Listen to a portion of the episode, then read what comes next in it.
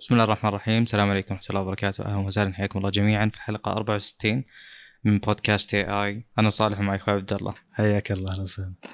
طيب آه، أول شيء عندنا ويندوز 11 أتوقع هو أهم شيء. بال- بالحلقة. آه، أتوقع أن بننتهج نهجنا نخلي الأخبار المهمة بالبداية لأن أحيانا إذا ما ركزت ببودكاست أنا هذه صفة ألاحظها فيني. إذا ما كنت مركز ببودكاست أسكر الحلقة. أنا ما أدري وش بيجيني بعدين. ممكن شيء مهم ممكن نقاش ممتاز. فالأشياء ال- المهمة بالبداية أفضل من الأسلوب اللي كنا نخلص الأخبار السريعة ثم نروح للمواضيع المهمة. آه ويندوز 11 آه في أخبار طبعا وكلام كثير نزل قبل إنه يقولون آه مايكروسوفت إن هذه آخر نسخة من ويندوز بتنزل الويندوز آه 10 خلاص تصير تحديثات آه زي اللي يصير مثلا تطوير ال software اللي هو CI/CD خلينا نقول continuous integration continuous delivery اللي هو إنك تصغر التحديثات لكنك تكثرها بحيث إن ال deployments هذه نزول التحديثات الجديدة ما يأثر على الاستقرار اللي موجود نازل بالسوق أصلا اللي نازل عند الناس يعني. وطبعا هذا النهج الصحيح واللي من عند تقريبا كل ال- الشركات الكبيرة ينتهج.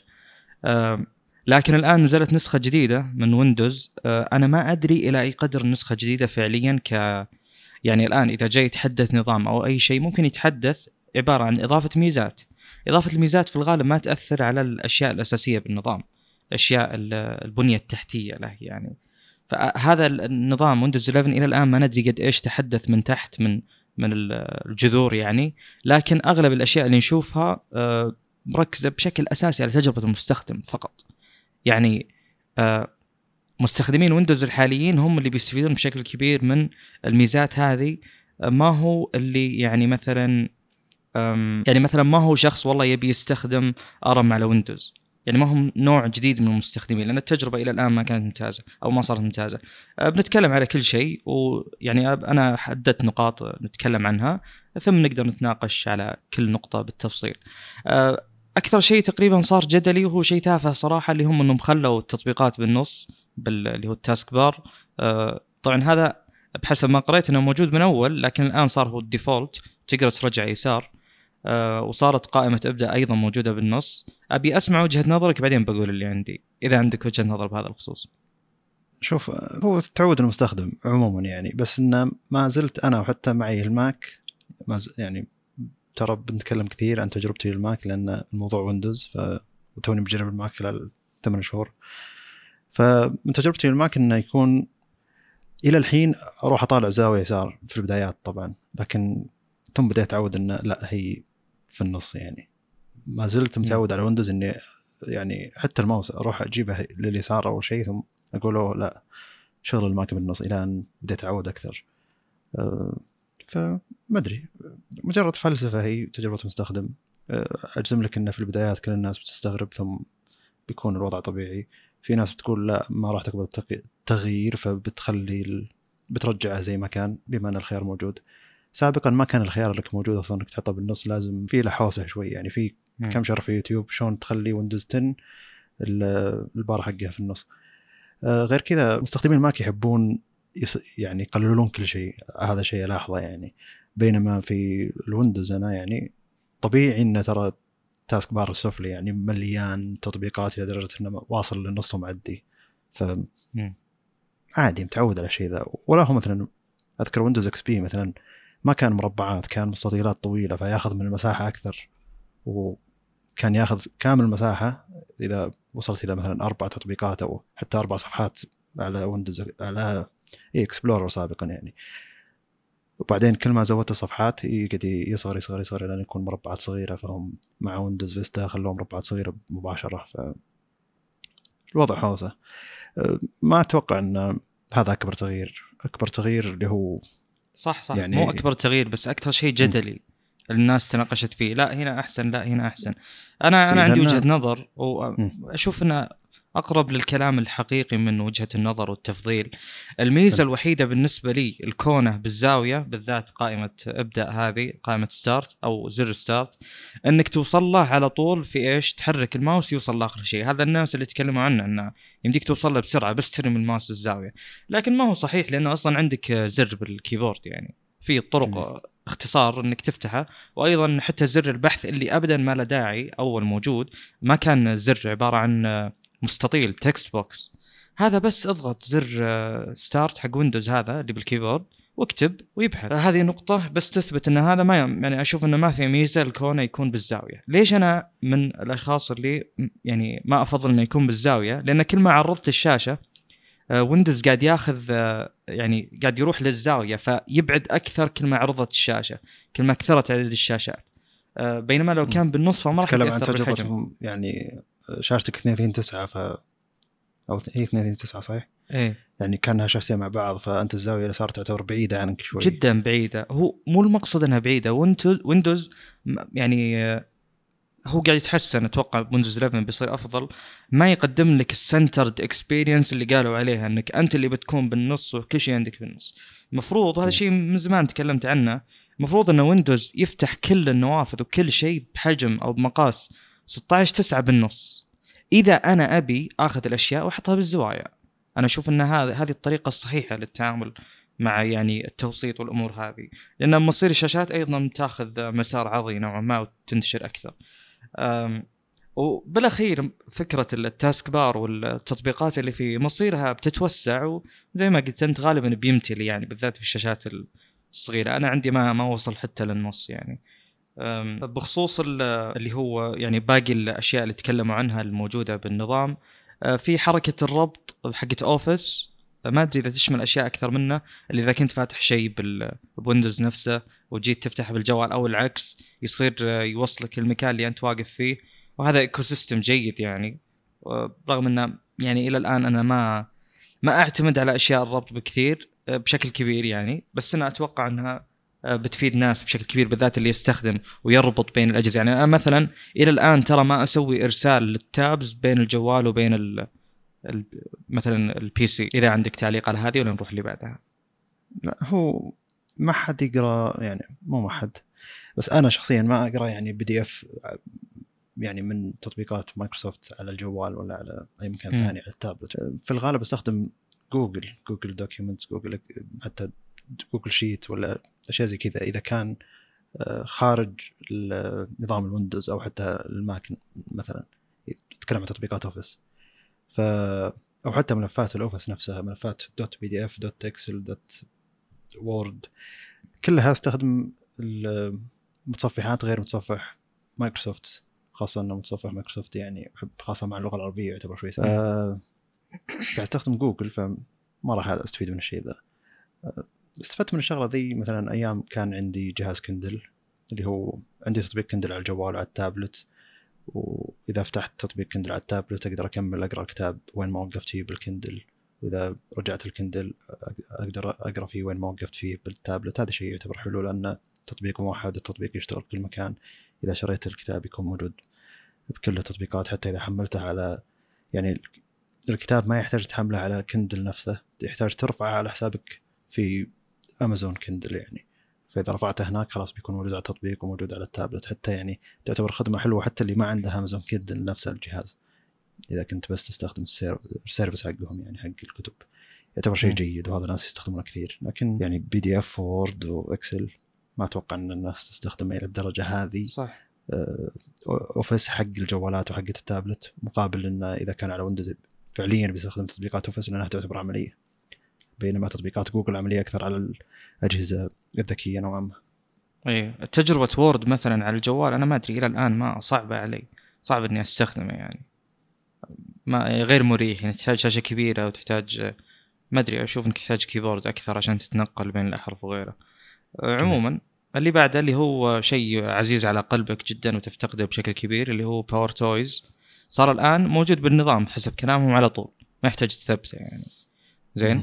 وفي خيارات جيدة في يعني طريقة أذكى في إنك توزع وتقسم الشاشة اللي هو مجرد إنك تسحب الجزء العلوي من النافذة أو آه، تضغط زر اي maximize و minimize هو اللي حلو. منه تحط مكان ال window صار مجرد السحب من ال window من فوق يمديك تحطها بأي جهة من آه، من جهات خلينا نقول الواجهه أه ونلاحظ طبعا يعني تركيز بشكل كبير على تجربة المستخدم بشكل أساسي وبحسب كلامك إن هذه من الأشياء اللي يعني أه كانت ممتازة بويندوز. شوف أنا معاناته بال windows management عموما يعني. صح يوم إيه. جيت لل... يوم جيت للماك وحتى أيام كنت موجود على ويندوز بس باور تويز كان يحل الموضوع نهائيا يعني. في الماك أستخدم desktops واجد يعني يكون كل desktop فاتح عليه تطبيق تطبيقين على حسب المناسب له. وترى الماك أشوف إنه مهيئ للتاب لللابتوب أكثر من إنه يكون desktop. شاشة 21 9 ما كان مستفيد منها نهائيا. كنت لازم أحمل تطبيقات مثل Moom أو Magnet اللي هي تطبيقات window management عشان نحط اختصارات ولازم الاختصارات ذي أسويها بشكل مسبق. وثم إذا جيت أبي مثلا خلينا نفترض بسجل بودكاست الحين. فسابقا شاشة 21 9 يوم كنت معي ال Mac mini مو اللابتوب. ال MacBook Air M1 كنت كان في اختصار لكل مكان لل window فكنت لازم أروح أفتح التطبيق ثم أضغط الاختصار ثم أفتح تطبيق ثاني وأضغط الاختصار وكذا إلى أن تتوزع التطبيقات بالمكان اللي يحتاجها. لكن الحين فيه يعني غير إن ويندوز بيسهل عليك الفكرة إنك ما تحتاج اختصارات الدرجة ذي. ويندوز سابقا ويندوز 10 مع ال PowerToys كنت أضغط Shift ويطلع لي الأماكن اللي أنا مقسمها فيحتاج بس إني أسحب وأحط التطبيق اللي أبيه في المكان اللي يحتاجه. ال taskbar تحت يقول لك في ويندوز 11 تقدر تحط واجهة كاملة. يعني مثلا أنت تفتح سبع تطبيقات علشان تنجز مهمة واحدة. مثلا تطبيق تسجيل الصوت والتليجرام وفاتح تويتر فاتح يوتيوب فاتح مواقع الأخبار اللي, اللي نستخدمها مثلا. وكل هذه مع بعض وموزعة على الشاشة بشكل ممتاز. هذه أقدر أحطها كإعداد مسبق وأحطها مصغرة بال taskbar. من أجي أبي أسجل أضغط على الموجود تحت ال taskbar ويفتح لي كل خمس ست سبع تطبيقات توزيعها باللي يحتاجه على الشاشة الكبيرة. هذا ويندوز 11 ما هو حتى PowerToys PowerToys يعتبر أقل من كذا. PowerToys لازم تضغط Shift لازم تحدد مسبقا وش التوزيع اللي أنت تبيه وتضغط Shift وتقعد تمسك النافذة بالماوس علشان يطلع لك الأماكن اللي تحتاجها. آه، ف يعني زي اللي ويندوز 11 اخذوها خطوة زيادة وسهلوا عليك المسألة. الشيء الثاني اللي هو داخل السالفة هذه إن الحين كثير من الناس بما إنهم يشتغلون في البيت وممكن يطلعون برا يشتغلون ففي الغالب إن هذا الشخص عنده لابتوب ويستخدم مثلا monitor فكان في مشكلة أول إنك إذا فصلت لابتوبك عن ال monitor آه، كل التطبيقات اللي كانت موجودة على ال monitor تجي كذا باللابتوب مو مصغرة تحوس شاشة اللابتوب كذا. إيه. موزعة. الحين يقول لك لا هو بيحفظ إنك أنت كان عندك monitor كنت موزع تطبيقات عليه بشكل فلاني. فبيروح يصغر الشاشة هذه ويحطها ك taskbar صغير تحت. إذا حست فيها واستخدمتها على اللابتوب خلاص بينسى انه في آه، كمبيوتر. لكن إذا خليتها زي ما هي عليه ثم شبكت اللابتوب مرة ثانية على الدس على ال monitor بيرجع ويحط لك النوافذ اللي أنت تحتاجها بنفس المكان اللي أنت كنت متعود عليه. ف يعني دقيق جدا جدا جدا. يعني وهذا يوضح لك إيه، يعني وهذا يوضح لك إلى أي مدى أن تجربة ويندوز أصلا ممتازة لدرجة إنهم قاعد يركزون على شغلات زي ذي اللي منو اللي قاعد يستفيد منها يعني. يعجبني ان في عدد كبير بيستفيد منها وإذا إذا استخدموها بيقولون أوه أنا شلون كنت عايش قبل الله بدون المزايا هذه مثلا. آه، ف يعني هنا القوة قوة تجربة المستخدم في ويندوز إن المزايا اللي قاعد يضيفونها جدا دقيقة. تحتاج تفاصيل كبيرة عشان تشرح والمستفيدين منها ما راح يتوقعونها تشتغل بشكل ممتاز لكن إذا استخدموها صدقني بيقولون إنه وين ذا الشيء من زمان عنه هو يحفظ profile كل شاشة وهذا الذكي ما ما أدري إذا هو موجود بأنظمة ثانية ولا لا بس ميزته إنه يحفظ كل تفاصيل الشاشة وخلاص كل شيء يصير يعني آه، مرتب بشكل واضح ما تحتاج تعيد ترتيب أو كذا. يعني هذا طبعا اكتشفته إن مثلا استخدمت شاشة 16 9 Full HD بالبيت واستخدمتها بالعمل. زين؟ غير طبعا الشاشة بس أقصد نفس المقاسات نفس كل شيء. هذه حاط لها profile وهذه حاط لها profile يعني شفت النسبة جميل. هذه اللي نسبة التكبير نفسها التوزيع نفسه كل شيء نفسه. بس طبعا فيه مشكلة إذا إذا الجهاز نفسه شبكته وفصلته بين شاشتين جدا مختلفين بالأبعاد تشوفه يحوس لك ايقونات ال desktop وغيره. واتوقع أتوقع أن هذه الأشياء انحلت بويندوز 11 لكن يبي لنا تجربه عشان نحكم. في نقطة ذكروها أنا ما أدري وش بالضبط المقصود منها اللي هي دعم تعدد ال desktop أنت عندك بالماك الحين في أكثر من desktop مفصولين بشكل كامل صح؟ هل هذا الشيء موجود بويندوز 11 الآن؟ شوف في الماك لما تجي ما أدري آه، هو أصلا موجود في ويندوز 10 ترى تقدر تسوي لا. ثاني وتسوي. لا. لا تسوي desktop ثاني اي تسوي desktop ثاني نعم. بس هل هو زي مثل هل هو مثل الماك؟ لا الماك الماك يفصل إذا تماما كبرت أي تطبيق يروح يفصل ال desktop ك desktop ثاني يعني يعني إذا مم. كبرت التطبيق ما يكبر على نفس ال desktop اللي فيه لا يسوي للتطبيق desktop ثاني تقدر تنقل بين التطبيقات بثلاث اصابع اليمين يسار على ال taskbar حقهم هذا شيء مرة مهيئ لللابتوب يعني ترى. في في ويندوز إذا كبرت التطبيق ما راح ينتقل إلى desktop جديد لازم أنت تروح تهيئ desktop ثاني مم. جديد لكن هنا المقصد إنه لازم يعني بيكون لك مثلا آه، أكثر من desktop وتقدر تسميها تسميات مختلفة فتحط إيه. مثلا واحدة desktop. لتسجيل بودكاست له جو معين مثلا مم. وتطبيقات معينة آه، وخلفية معينة وشيء لل gaming له تطبيقات معينة وكذا لكن ما أدري يعني ال desktop تعدد ال desktop على الماك كان يشتغل بالنسبة لي أفضل من الويندوز لكن الويندوز سيء حقه الويندوز في ال windows management يعني يغطي على هذه المشكلة بشكل كبير يعني مم. أنا من كثر ما أن ال windows management مرة ممتاز ماني محتاج أسوي desktop كل مرة أسوي شيء أو كل كل ما قاعد احوس فأتوقع. أن أي واحد عنده ماك ومتعود على تعدد desktops لما يجي لل windows management الممتاز بيقول وين ذا ذاك الشيء عن وين الماك يعني وين ال desktop موجوده في ويندوز ليش ما تشتغل زي الماك؟ فأتوقع إن الحين بتشتغل بشكل أفضل أتوقع بس هناك بس لأن- عندك بالماك تقدر تفصل تقدر تخلي هذا له خلفية وهذا له خلفية الايقونات الموجودة بال desktop تتغير صح؟ تجربة أفضل ما جر ما جربت إنه يكون تقدر تختار خلفيه هذا حتى ويندوز 11 الحين بيكون كذا. لكن. مو هنا المقصد المقصد إن ال gestures حقت ال trackpad الإيماءات حقت ال trackpad اللي هي ثلاث أصابع لفوق عشان تشوف وش ال desktop الموجودة والأشياء هذه يعني. هذه كلها مهيئة إنها تشتغل مع تعدد التطبيقات. فأنا الحين. مثلا ما عندي شاشة 21 9 عندي شاشة 3 2 اللي هي حقت الماك. لكن مشغل مثلا تطبيقات على مدى بعيد مثلا مشغل آه، جوجل كروم مشغل مسجل الصوت مشغل تليجرام وفاتح صفحة تويتر كذا. وكلها تنقل بالثلاث أصابع اليمين واليسار. يعتبر شيء جيد للماك يعني و trackpad عشان كذا أتوقع أي واحد معه ماك حتى لو desktop يبي trackpad عشان تجربة الإيماءات عموما.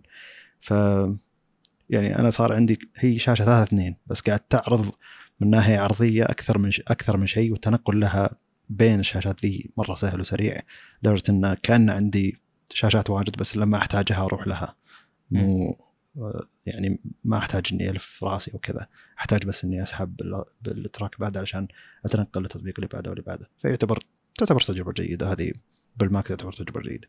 أنا كنت نا... كنت ناوي أخصص حلقة أو كنا ناويين نخصص حلقة خاصة لتجربة الماك عموما لكن بما أن جاء نظام الويندوز وتوني. مجرب الماك فبيكون هذه الحلقة كأنها الحلقة الخاصة بتجربة الماك. بما أننا باقي شوي نخلص. نذكر نذكر. ويندوز و... نعم. مم. شوي نخلص فإذا خلصنا أتوقع بيعطيك مساحة كبيرة يعني تناقش معك لأن أنا نفسكم يا المشاهدين ترى ما أدري بالضبط عن تفاصيل كثيرة يعني بتجربتك. آه. بس نقطة بذكرها آه، الظاهر شاشتك 16 10 صح؟ مو 3 2 2560 ب 1600 شيء زي كذا. اللي عارف 16 10 الماك 16 10 ماك بوك إي نعم. إي، كان 16 16 10. ما أدري. لا لا مو 3 لو 3 2 مستحيل 16 ما أدري. خلينا نشوف. يلا افعل وأنا بكمل.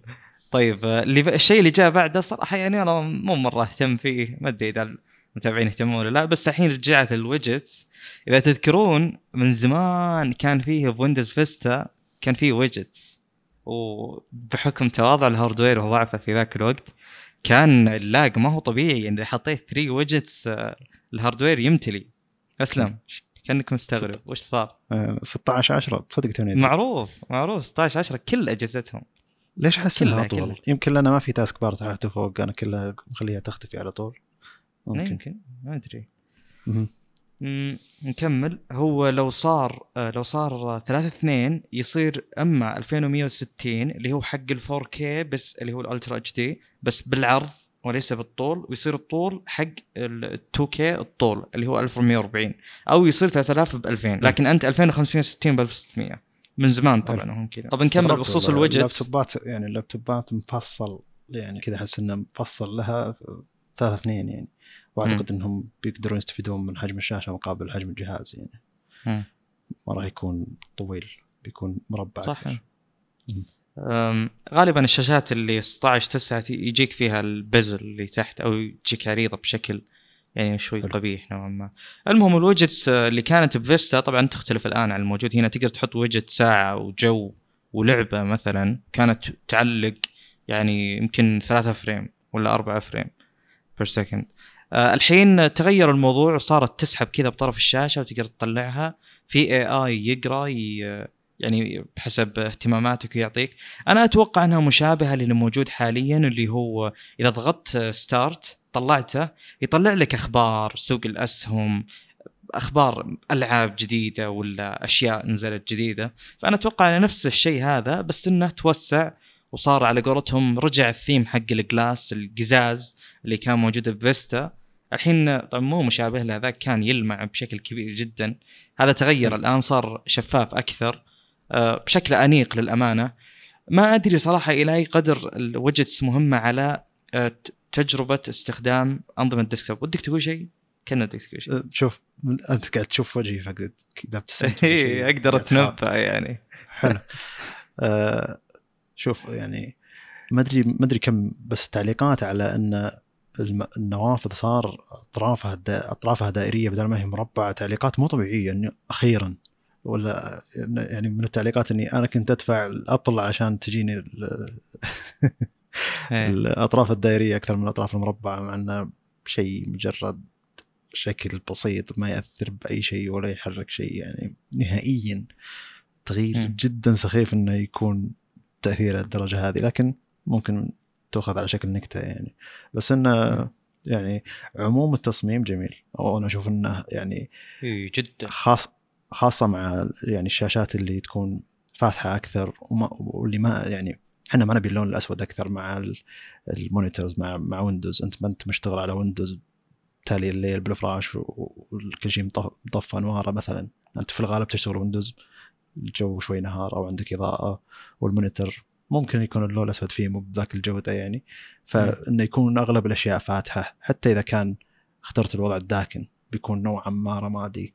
وشفاف على اللي وراه عشان الخلفية تأثر على الأشياء اللي أنت قاعد تفتحها. ما أدري شوف التصميم عموما جميل. هذا الصح أبو فيصل. يعني الحين إحنا عندنا يا أبيض يا أسود. يا أخي أنا ما أبي لا أبيض ولا أبي أسود.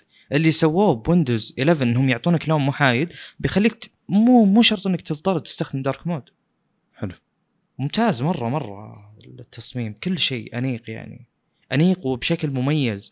ما هو ناعم يعني ودائري بشكل كبير زي تجربة الجوال مثلا تجربة الأنظمة الحالية. في شيء تبي تضيفه ولا نروح اللي بعده؟ آه كمل كمل.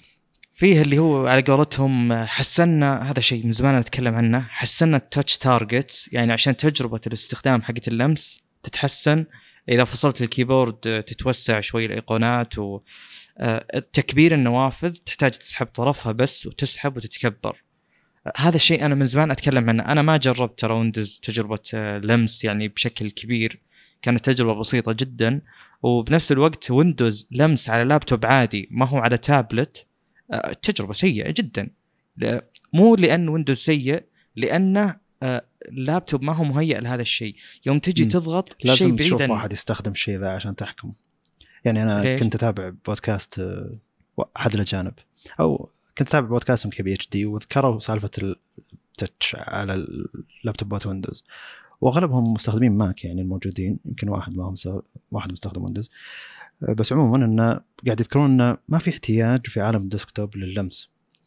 فذكر واحد أحد الحجج إنه روح شوف شلون Linus اللي هو Linus Tech Tips الكندي يستخدم اللابتوب شيء يقولون هم يعني من كل التجارب إنه شيء مبهر سرعة استخدامه وتجربته مع شاشة اللمس وحتى إنه يستخدم اللابتوب ما يستخدم two in فهمت؟ اللي يبي يوصل الشيء ذا مثلا بالتصفح يضغط عليه بشكل مباشر ثم يعني الماوس أندر استخدام من trackpad أو أو أقصد اللمس نفسه.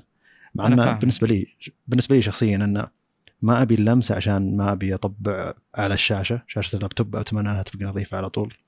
وبما إني أقدر أستخدم ال trackpad وأقدر أستخدم الماوس عشان أتحكم بالجهاز وإني متعود على الأشياء ذي يعتبر شيء جيد. ما أبي الشاشة توسخ بزيادة لأنه شيء متعب إنك تمسح الشاشة كل شوي خاصة إذا كان حجم الشاشة كبير. أه، الحين إذا الجوال كل شوية قد أه، أنظف الشاشة أنظف الشاشة فكيف لابتوب؟ إذا التابلت يعتبر متعب بالنسبة لي انك كل شوية أنظف الشاشة وتطبيع الأصابع تشوفه سيء يعني. بس عموما تتكلم عن تجربة مستخدم لازم تشوف واحد يستخدم ويندوز من من خلال يعني اللمس عشان تحكم. مو scrolling وتع... وتصفح يعني أو يعني ما في انتقال وروحه ورجعة لا. في الغالب يعني إنه آه يبي يضغط على الرابط ذا بدل ما ياخذ الماوس ويروح يضغط على الرابط ذا يضغط عليه بشكل مباشر اللي يمد ايده على الشاشه وكل لما تشوفه تستغرب يعني إنه شلون؟ ليش؟ ما قد شفت أحد يستخدم زي كذا. وأتوقع إنه في ناس كثير دائما إنهم يسألون عن ال touch بال Mac أو ال Mac OS عموما. أتوقع في ناس كثير يبون الشيء هذا يعني. شوف أنا أنا النقطة اللي تكلمت عنها تجربة استخدام آه، اللمس في يعني كأنك تبي تستخدم جهاز لمس كأنك تبي تستخدم تابلت كأنك تبي تستخدم بدل tablet Android tablet Windows آه، الدمج بين الاثنين شوف أذكر كان عندي BlackBerry Torch اللي كذا ينفتح slide. كان فيه لمس هو ظهر أول جهاز. من BlackBerry بالتحديد فيه لمس وفي full keyboard يعني. آه للأمانة كانت نفس الفكرة اللي هو إنه آه، يعني من أسرع يدك وهي تحرك ال trackpad حقهم ولا ولا أصبعك اللي يلمس الإيقونة اللي تبيها. وكانت فعلا تجربة سريعة جدا جدا جدا. جميل. لكن لكن استخدام لابتوب مع اللمس يعني أول شيء آه، زي السيارات. إذا كانت شاشة بعيدة ولمس يدك وهي رايحة تلمس شيء معين إذا إذا الرسغ عندك ما هو متكي على شيء تشوف يدك كأنها ترجف صعب تصيد الشيء. وفكرة البصمات أيضا زي ما تقول. وآخر شيء يعني مثلا أنا توي مستخدم MateBook X Pro آخر نسخة أجدد واحد. حلو. وأعلى hardware وكل شيء. رغم الجودة الخرافية بالتصنيع وكذا وجهاز فخم يعني. آه إذا لمست الشاشه فيه ال wobble هذا فيه التموج يعني شاشة مم. تهز يعني. ف اللي بوصله أنا آه أنا أبي التجربة تتحسن ويصير Windows نظام قابل إنه يستخدم باللمس بس. يعني آه، دمج بين الاثنين للأمانة ما هو الشيء المهم بالنسبة لي بشكل كبير بس عشان يكون Windows يستهدف شريحة أكبر من المستخدمين لازم يوفر هذا الشيء. آه، وعلى كلامهم إنه تحسنت الأمور هذه. وصار يعني في ميزة الآن بتكلم عنها اللي هي فكرة ال gestures باللمس. صار تسحب أطراف الشاشة تطلع لك أشياء. هذا هو الشيء اللي نحتاجه ترى. أنا ما أبي جميل. تنقلاتي تكون بالذات بشاشة كبيرة. إذا عندك إيماءات الموضوع يصير سهل بشكل كبير بالنسبة لك إنك توصل اللي تبي. ما تضغط زر معين يعني مثلا تخيل إنك إذا رفعت فوق تطلع مثلا قائمة ابدا هذه. بدل ما تضغط الزر اللي موجود تحت يسار أو تحت بالنص يعني الزر أصغر من الوصول لللمس مثلا. زي في استخدام مثلا أجهزة Android إذا جيت تسحب إذا أنت بال home وسحبت من فوق لتحت يطلع لك الشريط العلوي. أسهل لك من إنك توصل طرف الشاشة وتسحب مثلا أو انك تضغط زر معين يطلع لك أو إلى آخره. فهذا شيء ممتاز.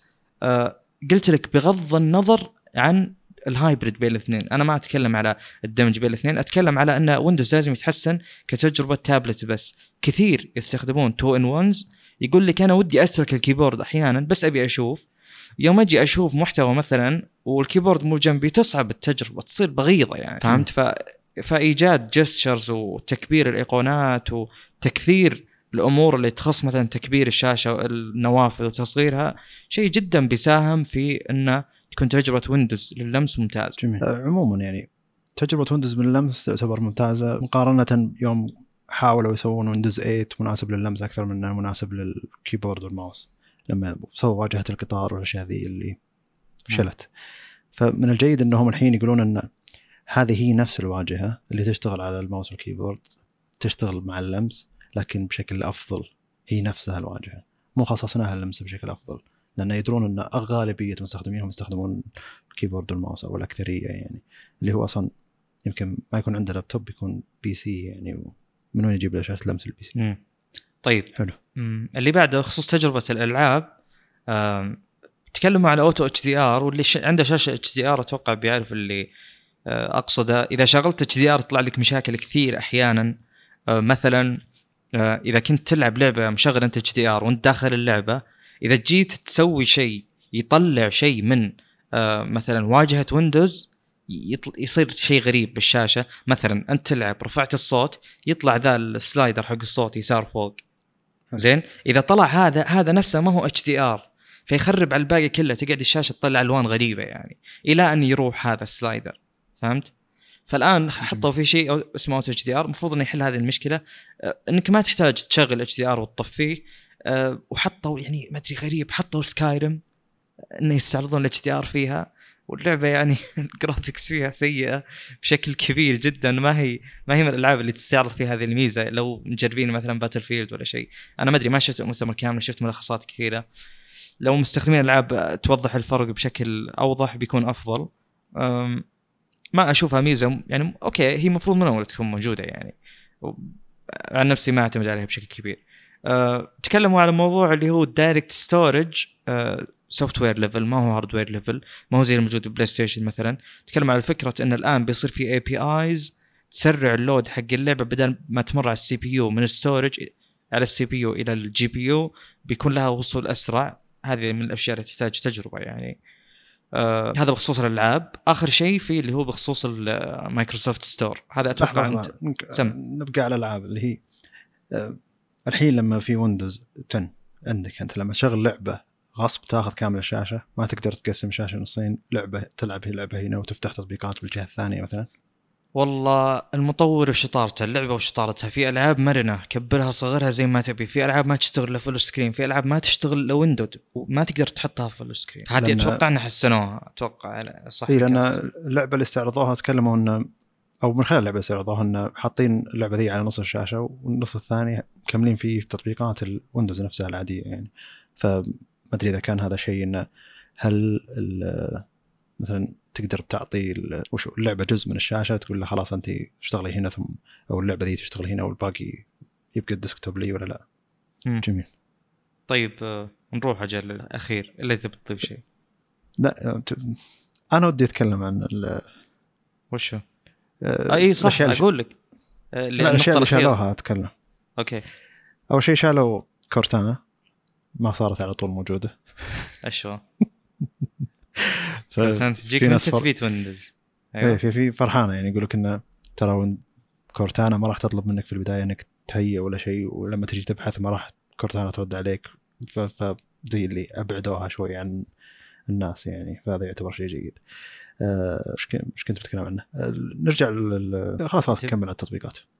طيب لأن آه. مجال التطبيقات طويل. لأن آه. شو اسمه في تصريحات من نفس المدير. آه عن أتوقع عن نفس المتجر أكثر من نفس ويندوز يعني. طيب آه في لحظة إحنا تكلمنا عن دعم تطبيقات اندرويد لا ما تكلمنا عنه أنا كنت ناوي احطه بالأخير. خلاص مو مشكلة الحين نحطه ضمن المتجر نعم. الحين يقول لك الآن اول new Microsoft Store جديد بالكامل. يوم شغلوه صراحة أنا ما ادري ما أدري وش الفرق يعني من النظر. آه الفرق يعني ما يكمن في تجربة الاستخدام أتوقع. آه ما أدري وش غيروا بالضبط من ناحية stores حقت مايكروسوفت نفسها. أنا ما أتوقع إنه في فرق. آه لكن لا لا في في فرق في فرق. آه، أول شيء إن جميع التطبيقات مدعومة من ناحية حتى لو تضيف تطبيق 132 اللي هي حتى على البت القديمة تطبيق أيوة. موجود بيكون بيكون موجود.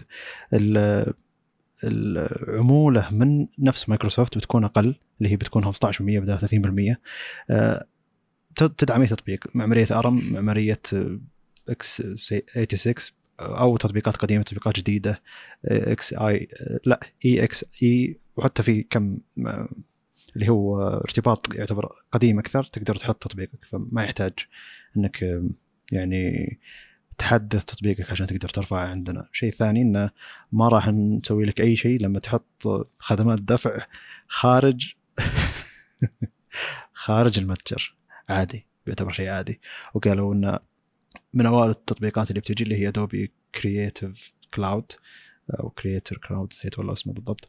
اللي هو إنه بيكون موجود وبيكون من أحقية ادوبي إنها تاخذ منك الفلوس خارج مايكروسوفت آه، آه، أو متجر مايكروسوفت نفسه. لأن سابقا كان لما تيجي تحط تطبيق عند مايكروسوفت معناته إن مايكروسوفت بتاخذ منك نسبة النسبة هذه كانت 30% نفس ما التطبيقات الثانية أو المتاجر الثانية اللي موجودة في السوق سواء ابل أو آه، جوجل فالحين خفضوها إلى 15% وخلوك عادي تستخدم أي وسيلة دفع سواء عندنا أو خارج. طبعا عندنا بتعتبر أسهل بالنسبة للمطور إنه ما دام إني حاطها عندهم خلاص خلينا نحط وسيلة دفع عندهم تعتبر آمن وأشمل حتى لو ياخذون مثلا 15% بيكون مثلا إذا هو مطور صغير خاصة بيكون صعب عليه إنه يعني يطور وسيلة دفع ثانية خارج ال... مع انه مع إنه يقدر يستخدم PayPal أو شيء زي كذا. عموما إنه قللوا المبلغ أو قللوا النسبة وقالوا إنه حتى لو حطيت آه، يعني دفع خارج المتجر ما عندنا مشكلة. وهذا واضح إنه ضرب يعني ال Apple وقضيتهم مع Epic Games حتى رئيس مايكروسوفت نفسه طلع وقال إن المستخدم هو الوحيد اللي له القرار والتحكم الكامل بجهازه والشركات اللي تصنع نظام المفروض ما تدخل وما يكون عندهم أي سلطة على استخدام المستخدم. ويقول إن Windows هو أكثر نظام مفتوح لأي ecosystem سواء كنت مع جوجل سواء كنت مع Apple Windows بيشتغل معك. ما راح يشت- يشترط إنه يكون في آه، أجهزة تشتغل مع أجهزة بشكل ممتاز. ودائما انهم الحين يشغلون تطبيقات Windows دام إنه في مثلا Your Phone بيكون أفضل مع Android بالذات.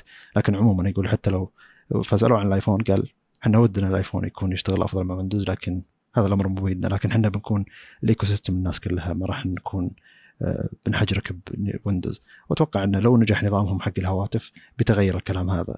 بيكون آه، اجهزه أو هواتف آه، Microsoft Windows بتكون أفضل تشتغل مع كمبيوترات Windows. لكن بما إنه فشل النظام ما لهم حل إنهم يقولون للمستخدمين Android و iPhone تعالوا استخدموا نظام آه، فهو يقول إن نظامنا هو الجسر بين كل الأنظمة آه، وما في أي تحكم باستخدام المستخدم النظام. واضح واضح المقصد يعني Apple طيب موضوع تشغيل التطبيقات وش تعليقك عليه؟ هو طبعا أكيد emulation. هل هل له ذيك الحاجة؟ هذا سؤال تشغيل يعني. تطبيقات Android على على Windows أول شيء جدا له حاجة يمكن له حاجة بأشياء آه، يعني غبية مثلا زي Snapchat من ناحية إنه ما هو موجود أصلا على Windows اللي بيستخدمه طبعا والتطبيقات هذه اللي ما غير متوفرة على الكل هو. ت- متجر امازون نفسه بيكون داخل متجر Microsoft Store يعني كذا إيه. أنت بت... أنت بتدخل متجر Microsoft Store لما تسجل فيه تدخل متجر امازون داخل Microsoft Store علشان تحمل تطبيقات آه، Android لكن في الغالب إنه يعني أحد المهندسين من داخل. من داخل مايكروسوفت قالوا إنه تقدر تحمل ملفات APK وتثبتها ما, عندنا مشكلة يعني. الجهاز بيشغلها أو النظام بيشغلها فهذا يعتبر شيء جيد يعتبر شيء جيد خاصة لاجهزه اللمس لأن التطبيقات ذي تدعم اللمس ولأن بالذات مع الحين آه، معالجات M1 لل Mac وغيرها ودعم تطبيقات ال iPhone وال iPad على ال- الـ desktop حقت آه، Apple. فبيكون أو على ال Mac يعني.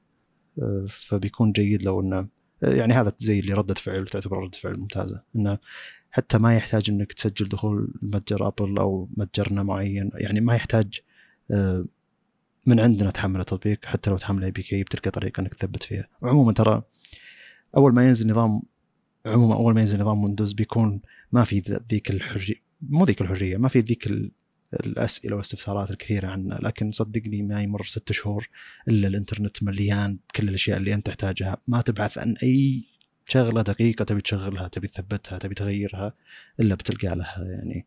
شخص شرحها يعني Reddit مليان من الأشياء هذه وكان من الممتع جدا يعني إنك أنت تشوف بما إني عشت بالمجتمعين Windows و Mac من الممتع إنك تشوف انه في اهتمام من الناس. بادق التفاصيل. إني أنا أبي شيء كان موجود بتفصيل دقيق في Windows ليش ما هو موجود على ال Mac جاك شخص وسوى نفس التطبيق. سواه ب GitHub وقال يلا خذوه.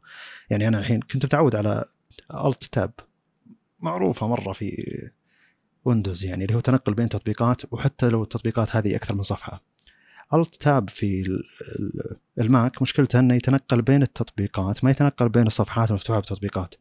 فأنت لو فاتح مثلا عشر صفحات كروم وكل صفحة من كروم هذه فيها tabs داخل يعني تبويبات غيرها. لما تحاول تتنقل بينهم ب Alt Tab ما راح يتنقل بيتنقل من تطبيق لتطبيق بشكل مباشر. وكروم لما ترجع له بيرجعك لآخر صفحة كروم أنت فاتحها أو آخر تبويبه أنت فاتحها. ما راح يعطيك كل الخيارات أو الصفحات اللي أنت فاتحها مثلا. يعني من من طبيعي مثلا إنه يكون فيه صفحة لتويتر وأكون أفتح تبويبة جديدة لأي شيء أدخل فيه بتويتر بزيادة.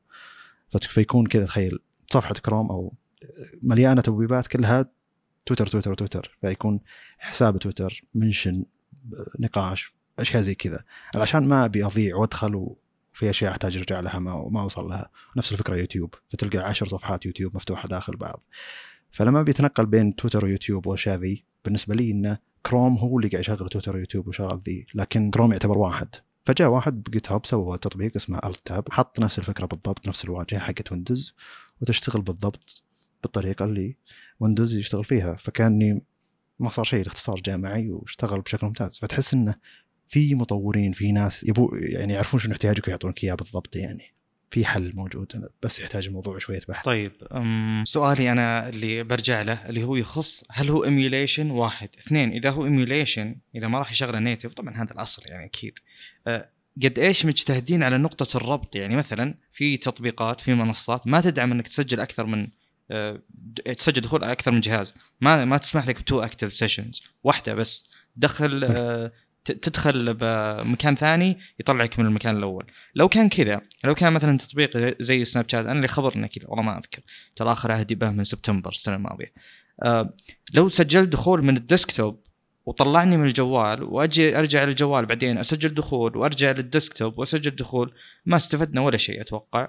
هذا واحد. اثنين في التطبيقات اللي نتوقع إن بنستفيد منها بوجودها بال desktop زي واتساب مثلا يستخدمه.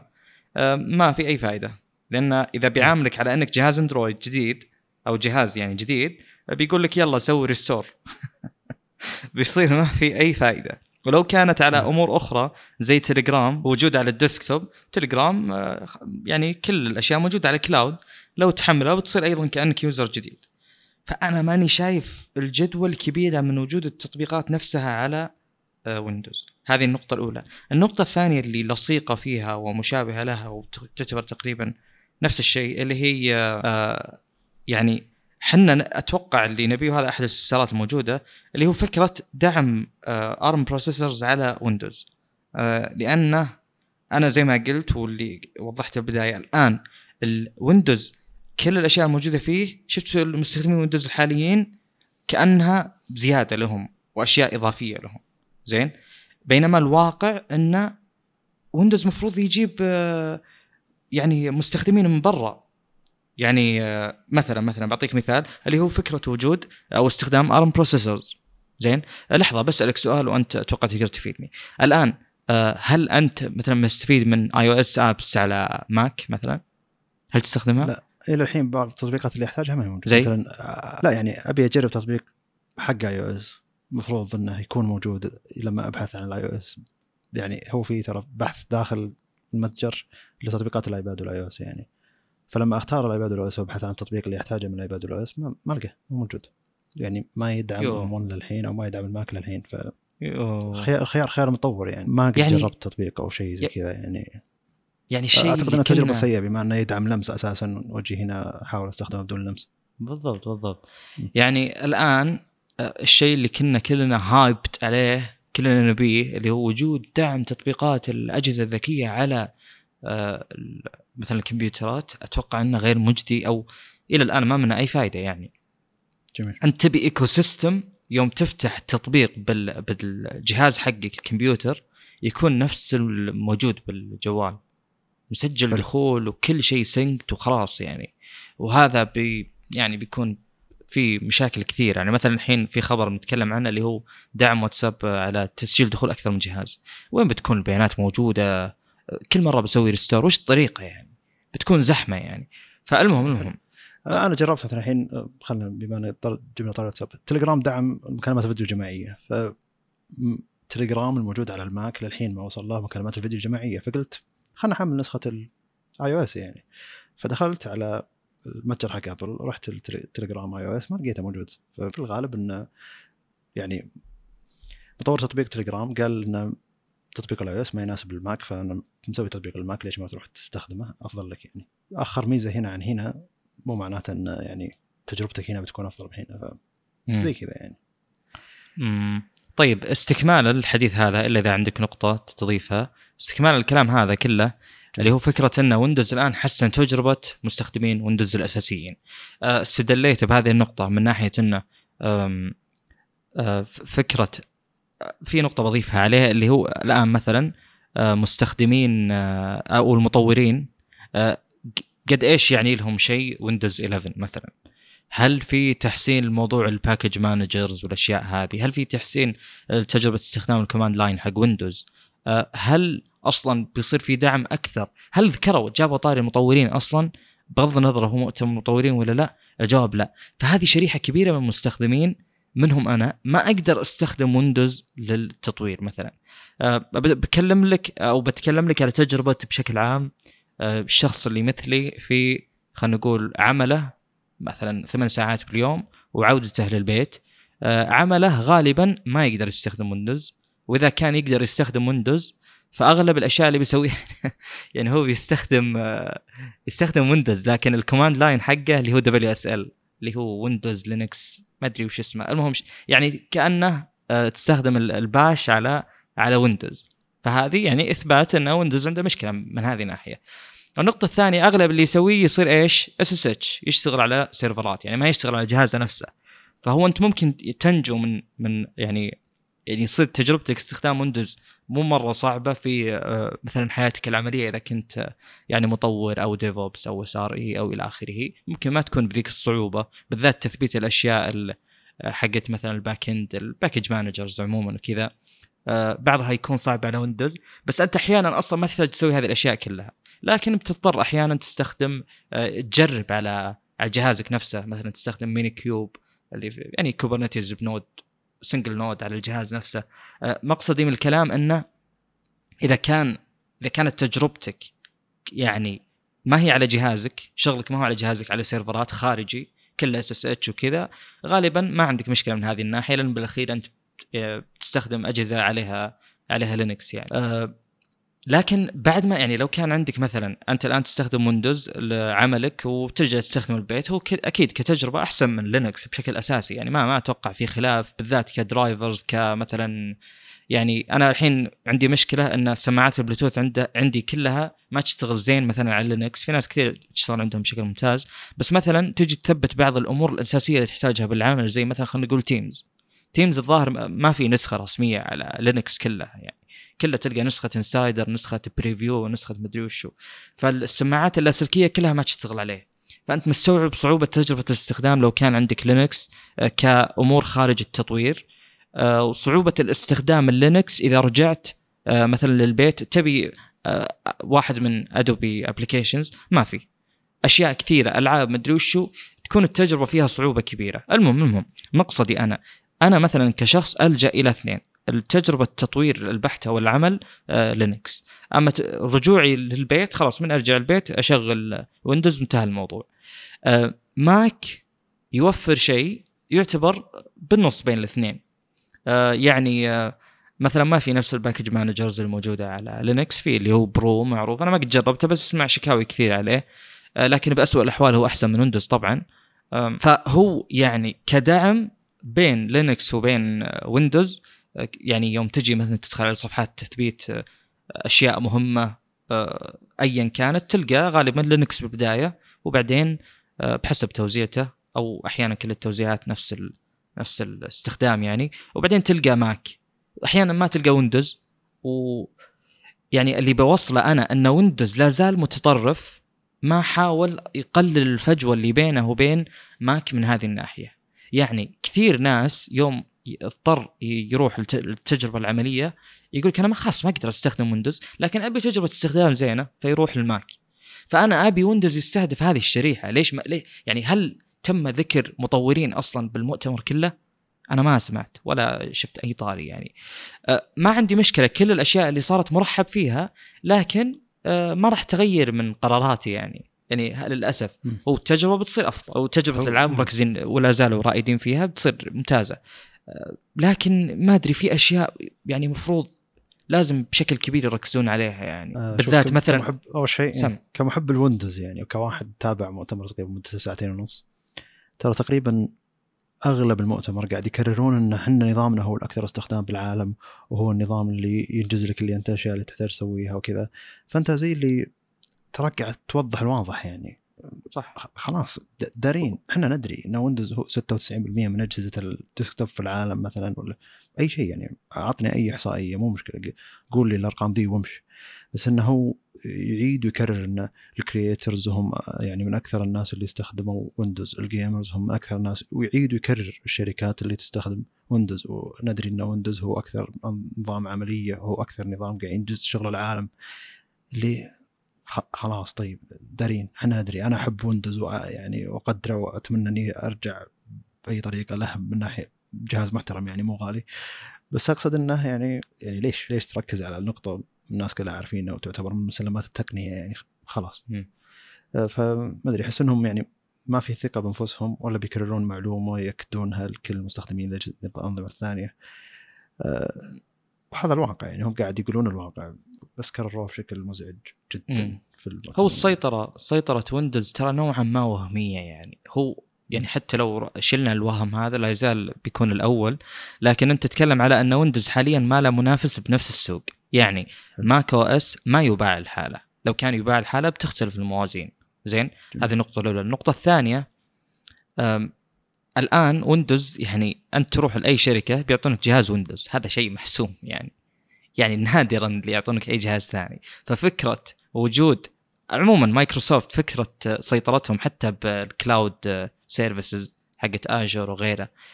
يعني Windows سيطرتها على خلينا نقول القطاع ال enterprise بشكل كبير. فأنت يوم تكون تبيع للشركات فأي آدمي بيكون معاه Windows يعني. يعني بيكون الموضوع أو خلينا نقول سيطرة Windows الحالية آه لأنه من طلعنا على الدنيا هو كذا. ما في نظام ينافس Windows بنفس ال... بنفس الساحة. آه فهذه هذا شيء ثابت ال Windows ولا أتوقع راح يتغير يعني. النقطة الأخرى اللي هو الألعاب. هل تقدر تلعب آه، يعني على ال PC غير Windows؟ آه، الجواب لا. تقدر بطرق ملتوية Wine مدري وشو على Linux بس مستحيل توصل تجربه استخدام Windows. اللي بيوصله أنا أنا المفروض إنهم استهدفوا آه، شريحة مستخدمين أخرى. ومفروض إنهم حسنوا أشياء داخلية بالنظام. الأشياء اللي ذكرها بمؤتمر كلها ممتازة وكلها تخليني متحمس لتجربة مستخدم ممتازة. وأنا أصلا صراحة ما قلت أوه والله يا ليت Windows في كذا. ولا أوه والله Windows ناقص كذا. هو من أول ممتاز كتجربة مستخدم يوم ترجع من الدوام خلاص تبي تستخدم اللعب ولا productivity يعني. آه في أمور بس أيضا آه ودي أذكرها. ان إن بعض المزايا اللي أضافوها أنت ما تحس إنك تحتاجها لكن لما تستخدمها صدقني بتقول إنه أوه وين الأشياء ذي ما عندي. مشكلة. أنا ما عندي حلو. مشكلة بس الشيء اللي أتوقع كثير ودهم إنه يتحسن اللي هو الشيء اللي ذكرته. أنا أدري إنه في صعوبة أدري إنه في صعوبة. يعني مثلا في ناس كثير إذا قلت هذه الأشياء يردون عليك يقولون ترى هذا الموضوع صعب بياخذ وقت كذا. لكن أنا مو مو شغلتي إني أوجد الطريقة اللي يتم فيها التغيير. أنا الآن أتكلم من وجهة نظر المستخدم فقط. أنا الآن أتكلم بصوت ال business اللي هو وش المطلوب. كيف بيتنفذ أنا مالي دخل. آه، نقطة أخرى بعد المفروض أنها تتحسن. بويندوز، ويندوز يستخدم NTFS اللي هو ال file system كان يستخدم آه، FAT و FAT 32 القديمين والآن NTFS. باختصار عشان بالذات ال gamers يعرفون إيش اللي أقصده NTFS هذا كفاءته سيئة جدا بطيء آه، ما في ميزات زي اللي موجود مثلا بلينكس اللي هو ال ext 4 ext 4 هذا يمديك أنت الآن محمل نظام على 512 جيجا مثلا. زين؟ تقدر وأنت مستخدم منه 70 جيجا. تق- تقدر تسوي shrink تخليه 70 جيجا والباقي توسعه وتضيقه زي ما تبي تثبت فيه نظام ثاني تسوي اللي تبي من إلى. فهذه من أحد طبعا إمكانيات ال- ال file system هذا. فما أدري أنا أشوف إنه المفروض يتحسن ويتعدل يعني. يعني واضح إن ext 4 أحسن بشكل آه، لا خلاف فيه. فأرجع وأذكر النقطة الأساسية اللي ذكرتها من البداية أن يا ليت ويندوز ركز على أنه يجيب شريحة مستخدمين مختلفة عن الموجودة حاليا لأن بذاك الوقت ويندوز بيسيطر. لو أنا أستخدم ويندوز لكل شيء أصلا ما بيطلع منه. هذا شيء ما في خلاف يعني. يعني تجربة ال drivers حقت أو خلينا نقول التحكم بالصوت ال input وال output ال- زي ما قلت انت أنت النوافذ إنك تشبك شاشات خارجية. ال drivers حقت الشاشات في شاشات تشبكها على لينكس ما تشتغل. في ال drivers حقت Nvidia ما تشتغل. يعني أنت أحيانا ممكن النظام كله ما يشتغل عشان والله عندك drivers Nvidia. فتجربة مختلفة تماما وسيئة كتجربة استخدام. يعني كل نظام حاليا تقريبا معطيك شيء. ويندوز على الطرف الآخر من إنها تكون تجربة مستخدم ممتازة. يعني extreme عندنا two extremes ويندوز ولينكس وماك بالنص. عشان كذا كثير ناس آه، يعني راحوا الماك بسبب إنه يقول والله أنا بستخدم جهاز واحد لكل شيء وخلاص. آه، موضوع النظامين وكذا في نوعا ما حوسة. ما أدري متى بيصير ذا الشيء لكن المفروض يصير. ومن ضمن التجربة أيضا مثلا لو كان لو كان ويندوز يدعم تطبيقات ARM natively أتوقع هذا بيأثر على Android Studio انه بيكون تشغيل أسرع إلى آخره كومباتيبلتي اللي يطلع لك بالجهاز نفس اللي يطلع لك بالجوال وكذا ومن الأمور هذه يعني. فيا ليتهم صدق صدق يعني يا ليتهم آه، نوعوا في شريحة المستخدمين. وركزوا على أشياء أخرى. تجربة المستخدم يعني صح زي ما قلت أنت إن أشياء ما تدري إنك تحتاجها تكتشف إنك بعدين انه ما تقدر تعيش بدونها. لكن كانوا يقدرون يشدون حيلهم بنواحي أخرى ولا زلت أتطلع لهذا الشيء. لأن لو ما لو استمروا كذا أنا ما أتوقع بتزيد سيطرة ويندوز على السوق. ابدا ابدا ما أتوقع. حلو حلو. بس عموما تغيير جميل. وطبعا الحين كل كلام الناس انه هل هذه خطة تجارية انه يطلق اسم جديد بدل ما يحدث نفسه ويندوز 10 وكذا؟ نعم هي خطة تجارية واضحة يعني. آه، بس التغيير منطقية يستاهل ترى اسم جديد وجميل يعني يعتبر. في اللي هو ال configuration management أو اللي هو ال version control في طريقة متبعة. طبعا مو شرط إنها تكون يعني هي ما هي صح وغلط بس هي في فكرة إنك إيش؟ شفت آه، الرقم حق التحديث 1.0.0 كل الأرقام هذه يعني بحسب كل شركة وطريقتها بس بالغالب في standard يعني إن آخر رقم مثلا يكون حق bug fixes اللي قبله security updates اللي قبله مثلا تحديث يعني مثلا 12.3 اللي بعده ايا كان فاصلة إكس فاصلة إكس. لو كان 12.4 يعني في تحديث في إضافة ميزات جديدة وليس مجرد bug fixes و security updates إذا تغير الرقم الأول هذا لازم يكون في إطلاق وفي حدث. هذا milestone جديد. وهذا اللي صار بويندوز وأنا أتفق معهم كليا في هذا. أنا ما, ما راح. أتقبل لو كان ويندوز نفسه يجي بالنسخة اللي أنا أشوفها حاليا قدامي ويجي بالنسخة اللي تكلموا عنها اللي هو من ناحية إنه غيروا مكان start وغيروا كل الأشياء هذه. فأنا أتفق معهم في كون إنهم نزلوا ويندوز 11 خصوصا التحديث مجاني. حلو. في سؤال هنا على اليوتيوب مباشر دامنا مباشر الحين يقول وش. تتوقعون توافق العاب خاصة مع نظام DirectStorage DirectStorage أظن جاء على ال Xbox الجديد بداية أيه. السنة دي. أه، تشرح ال DirectStorage آه زي ما قلت آه اللي موجود آه، بال hardware طبعا ما لي تبحر كثير فيه بس الفكرة باختصار شديد جدا الموجود بال PlayStation آه، وال Xbox اللي هو فكرة إنه يكون ال GPU له بص مباشر على ال storage بدون ما يمر على ال CPU ويزعجه بأمر ما يخصه الآن حلو. وفروا APIs وفروا طريقة للتواصل بينهم سوفت ويريا بشكل مباشر بدون ما يمر على ال CPU أو إنه يعني يقللون ال overhead على ال CPU لأن ال CPU شايل كل شيء فالأصل إنها يعني في شيء بنتكلم عنه اللي هو حق high fidelity اسمه هو FSR الظاهر حق AMD اللي عبارة عن software عبارة عن أشياء سوفت ويريه تضيفها للعبة وتحسن الأداء. أنا أتوقع ان هذا بيسوي نفس الشيء ال load times بتتحسن بدون ما تخسر شيء يعني. عبارة عن free upgrade يعني. جميل. آه، بيكون شيء ممتاز طبعا بحسب الدعم بحسب الدعم أكيد. تشت- تشترط ام في ام اي اس اس دي يعني. اي لأنه ولا عاد ما راح تكون في فائده جميل. أه، يعني أقصد على أجهزة معينة مو كل الاجهزه فيها NVMe اي صح. وإذا أنت حاط لعبتك على ومشغل لعبتك على SSD SATA 3 ولا ما هو NVMe يعني ما راح يفيدك ال DirectStorage مم. آه، جميل آه، عموما يعني شخصيا أشوف إن التسمية يحق لهم التسمية ذي لأن التغيير على الشكل كبير والمزايا المضافة من ناحية تجربة الاستخدام كبير فطبيعي إنه يغيرون الاسم ما مو. طبيعي إنه يجي Windows 10 بكل تغييرات الواجهة ذي وتغييرات تجربة المستخدم آه، غير إنه مثلا أضافوا أشياء جديدة حط زي اللي حطوا كل شيء مع بعض يعني قالوا يلا هذا Windows 11 لأن من بداية دعمهم لعمليه ARM مثلا قلنا إحنا كنا نقول إنه وين شو اسمه المحاكي حقكم حق ال ال 64 بت يعني ما كان فيه تخيل إن أي تطبيق 64 بت آه، ما. تقدر تشغله على معماريه ارم علشان آه، يعني آه، المحاكي شغلة. فالحين قالوا إنه يلا مع- ال 64 64 بت تشتغل بشكل مباشر على ال- المحاكي حقهم على- معمارية أرم فيعتبر شيء جيد.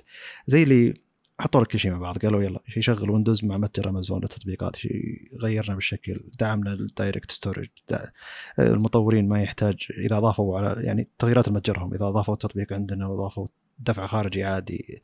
إذا دفعوا إذا الدفع عندنا 15% التطبيقات القديمة بتشتغل بالمتجر.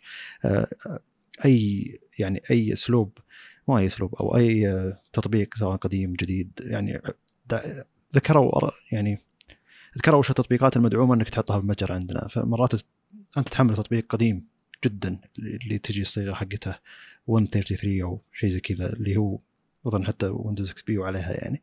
أه يقول لك عادي مايكروسوفت تقول لك تعال جيب التطبيق ذا ما يحتاج تحدث الاكس اي اي إكس اي أو لل يعني التطبيق حديث يعني يكون. وبشكل مباشر تقدر تحمله من متجر مايكروسوفت. لأنه سابقا كان في مشكلة متجر مايكروسوفت إنه لازم تحدث تطبيقك عشان تقدر تحمله عندنا. وكان في اشتراطات كبيرة. فزي قالوا انه إحنا متجر المفروض إن إحنا أكبر أكبر متجر على أكبر نظام موجود في العالم المفروض ان نوسع اللي نقدر عليه نقدر نضيفه فعشان كذا بيكون زي اللي هذا المكان الأول اللي تبحث عنه. بينما سابقا ان تدخل Windows تبحث عن أي تطبيق. يا رجال تبحث عن Microsoft Office نفسه ما تلقاه موجود يعني Microsoft Store أو Windows Store نسيت اسمه بالضبط. عموما إنه يعني الحين أضافوا كل شيء تحتاجه هناك. ف من الطبيعي إن Microsoft Store يتحدث من الطبيعي إن ذا وجيد إنهم حطوها كلها دفعه واحدة بتطبيق واحد أو بنظام واحد يعتبر شيء أريح من إنه كل شهر وشهرين يضيفون ميزة جديدة على Windows 10 وخاصة مع تجربة المستخدم. صدقني لو تحدث النظام Windows 10 إلى الشكل هذا وتجربة المستخدم ذي في ناس كثيرة بتستغرب يعني بيكون العكس عن اللي صاير الحين. انه لحظة أنت غيرت الشكل وغيرت كل شيء ليش ما ترفع رقم يعني أو تغير تحديث يعني؟ طيب آه، في سؤال يخص النقاش اللي ناقشناه اللي هو الآن قد إيش مهمة خلينا نقول store قد إيش مهم؟ قد إيش مهم انه يكون عندك store مكان تحمل فيه أي تطبيق تبيه؟ أتوقع يعني لو تتصور store نفسه Microsoft Store ولا Google Play ولا آه، شو اسمه App Store بتفهم وش المقصود منه لكن يعني ال package manager هذا اللي هو store نفسه يسوي مهام كثيرة جدا تخص إنه أول شيء فيه متابعة تحديثات يعني التحديث يطلق عليه بشكل مباشر ويطلب منك تحدث ويتابع كل الأشياء اللي أنت حملتها ويطلب منك تحديثها. لو ما كان عندنا موجود هذا الشيء لو في تطبيق يحتاج تحديث إما أن التطبيق نفسه يقول لك وفي طريقة زي مثلا تليجرام أو إنه يصير ما في وسيلة لفعل هذا. أنت تروح بنفسك وتحدثه وتخلي النسخة الجديدة تثبت مكان النسخة القديمة ممكن تحتاج تشيل بعض الأشياء وإلى آخره. ففي صعوبة اولا من ناحية التحديث ثانيا في صعوبة من ناحية الموثوقية. إيش يعني الموثوقية؟ يعني هذا ال store يعطيك كل شيء يكون signed يعني مضمون إنه موجود من نفس ال uploader ما هو شخص ثاني. ما أجي أنا والله ادخل Microsoft Store وأكتب مثلا واتساب وأحمل واحد كذا فيك يشبه الأساسي مثلا. ما أقدر أسوي كذا. ليش ما أقدر؟ لأنه لازم يكون signed من نفس المطور هو اللي رافع هذا الشيء. اللي أبشطح شوي عن الموضوع هذا وبتكلم على فكرة احتياج Windows ال package manager محترم. أنا مثلا الآن إذا جيت بثبت شيء ب Linux آه، بحسب طبعا ال package manager أقول له مثلا apt install واحط ال package اللي أبيه. أه وش فرق الحركة هذه عن إنك يعني هذه حركة زين؟ هذه طريقة للحصول على بعض ال tools والأدوات وإلى آخره. يعني مثلا في شيء اسمه pavu something هذا حق آه، يعني sound manager يتحكم بال input وال output بشكل أحسن من الموجود ب Ubuntu نفسه. فمثلا تكتب apt install هذا pavu something و اللي بيسويه يعني الطريقة البديلة الموجودة ب مثلا ب Windows لو ما كان store موجود أو لو ما كان الشيء اللي تبيه موجود بال store إنك تروح تفتح المتصفح. وتعطيه يعني إذن بأنه يقدر يثبت ملفات وكذا. وتبحث عن الشيء تطلع لك نتائج. ما تدري وش النتيجة المضمونة ولا لا. يمكن في موقع رسمي يمكن ما في بحسب. توصل الموقع تحمله مجرد تحميل عادي. مجرد إنك تاخذه وتحطه بجهازك. بعدين تضغط عليه تشغل EXE زين؟ تدخل XE تمر بال wizard اللي هو ال installer. تمر عليه خطوة خطوة. next next وتوافق ومدري وشو. بعدين تثبته. وإذا ثبته تحدد مكان التثبيت. في مكان default بس في مكان تثبيت. شفت هذه الزحمة كلها اللي بالأخير أصلا ما تدري ثبتها صح ولا ثبتها غلط. ال package managers ب command واحد تسوي كل هذه الأشياء. command واحد. يثبت لك يشغله لك يسوي لك كل شيء ولا يقعد يزاحمك والله يحط لك shortcut بسطح المكتب مدري وش يسوي لك الدنيا والحوسة هذه. فأنا كنت أتمنى تقدر توافق على الشروط حقتهم تقدر دنيا. دنيا يا رجل. wizard تمر عليه واحدة واحدة وحوسة ويتخيل بال command line هذا بال package managers. تقول له مثلا apt-get update مثلا. يمر على ال packages اللي عندك ويتأكد انها كلها updated مثلا. فهمت؟ جميل. أنت الآن شلون تتأكد إن كل التطبيقات عندك updated وكلها على آخر نسخة stable؟ ما تقدر، مثلا تمر عليها واحدة واحدة ولا إذا كان يوفر لك ال store الطريقة هذه. فهذا الشيء يعني مو شرط إنه يكون متعلق بالمستخدم العادي كون إن عندك package manager ممتاز هذا ممكن يعني عادي أي شخص يستخدمه طريقة استخدام ال commands هذه سهل جدا و يا رجل ما تحتاج تفتح متصفح عشان تحمل شيء تبيه وتبحث عنه تكتب الاسم الرسمي لل tool اللي تبي تثبتها وانتهى الموضوع. خلاص يعني يتثبت الشيء اللي تبيه. طبعا في طرق أكثر للتثبيت فيك package managers أكثر بحسب التوزيع اللي تستخدمها. فويندوز يحتاج هذا الشيء بشكل أساسي. حتى البحث بال store مزعج نوعا ما لأن أنت يوم تيجي تثبت بال command line غالبا ال tools تكون بأساميها الحقيقية.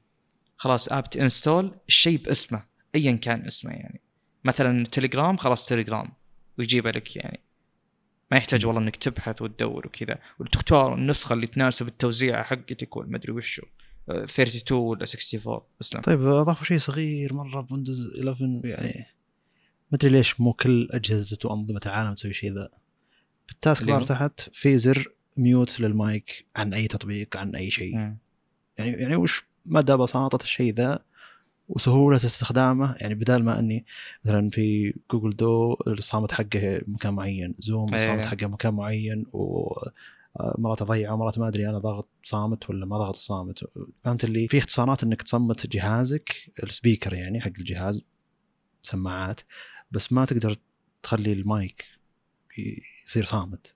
يعني لازم تروح تدخل داخل الإعدادات عشان يا تحطه على ال mute أو تخلي يعني التقاط المايك يعتبر أقل إلى الصفر. شيء سهل سهل جدا وغير كذا يعني أمان إنك أنت صمت الجهاز صمت المايك حق الجهاز من نفس النظام ما قاعد يعطي المايك لأي تطبيق ثاني. هذا يعتبر آمن إن التطبيقات الثانية ما قاعد تحاول handling يعني. ب level أقل يعني خلاص اللي بعده كلهم ما يوصل له ما أنت سكرته من المصدر. إي يعني الفكرة مرة بسيطة. وفي أذكر منه إي شركة نسيت اسمها اللي هي مسوية لابتوب أسود وحاطة أزرار فيزيائية تفصل إيه.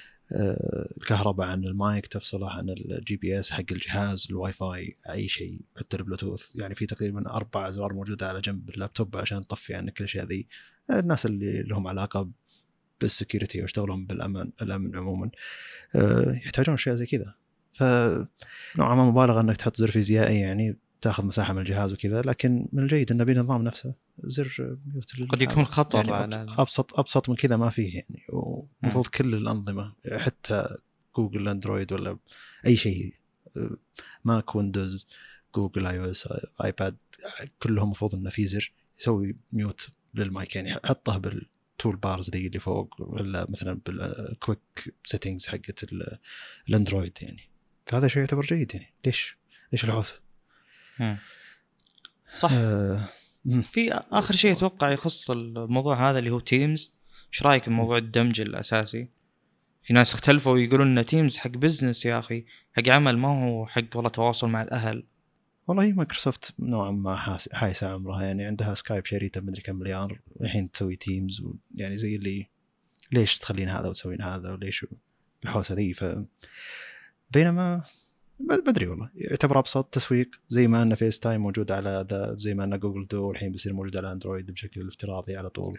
اي يبونه universal كاتصال. يعني حتى جوجل دو صار كاتصال فيديو رسمي في تطبيق الاتصال حق جوجل إذا تبي تتصل فيديو يوديك جوجل دو بشكل مباشر. جوجل دو ف يعني أه يحق لهم يسوقون شيء بسيط حقهم. أه بنظامهم يعني شيء بسيط تبي تطفيه طفها يعني موجود هو أساسا بالنظام بس تقدر تطفيه. اقصد ما يستحق الزحمة اللي صارت عليه إنه ما حد يستخدم تيمز مدري كذا كذا. هو ما قال لك ما تستخدم إلا تيمز قال لك ترى تيمز موجود وصاير بالنظام بشكل رسمي إذا تبي تستخدمه حياك الله. شيء طبيعي شيء عادي وطبيعي ويحق للشركة خطة تسويقيه تعتبر. يعني انتنسف على ال resources يستهلك يستهلك بشكل مرعب. الجهاز يقلب فوق تحت عشان تيمز يشتغل. ما أنا ما يعني ما أحبه صراحة. آه أنت كتجربه تيمز الحين غير إنه موجود على النظام يعني. لا أنا أنا أذبح تيمز أنا أنا أشوفه يشتغل كل سودو كل وتيمز أطفيه. زين؟ حسب طبعا في اي دي حقه. بس أقصد إن إن تيمز إذا ما أبيه ما أبي أشوف وجهه. إذا احتجته بس أبي أفتحه. أم وأيضا أنا أتفق مع اللي قالوا إن تيمز الآن مسوق على إنه business teams groups organization فيو مدري وشو calendar مربوط بكل ال ecosystem حق يعني واحد قاعد يتصل بجدة يعني ف إي بالضبط. وين الشغل الموضوع؟ ال target بيتغير حق تيمز ومد أيضا في overlap مع سكايب يمكن أصلا شايلين حلو. سكايب عشان يشيلونه ما أدري صراحة. أتوقع خلصنا بخصوص المؤتمر. آه إي نعم. أعتقد نعم. آه بس القضية اللي ما نتكلم عنها اللي هي يعني هواش Epic مع Epic Games مع أو Epic Games مع ابل وتدخل. مايكروسوفت وكل تصريحاتها فيها فما نبي ندخل الموضوع ذا بس. إنه تت... إي ترى يعني غالب تصريحات وكلامهم في مؤتمر زي اللي ترى حنا عكس ابل يعني بالضبط. يعني وبعض الأفعال تعتبر جيدة يعني حتى لو إنها ردة فعل على شركة ثانية لكنها تعتبر جيدة للمستخدم. آه موسى طيب. يقول في تيمز family شكلها نسخة مختلفة ما أدري صراحة. وفي سكايب business وفي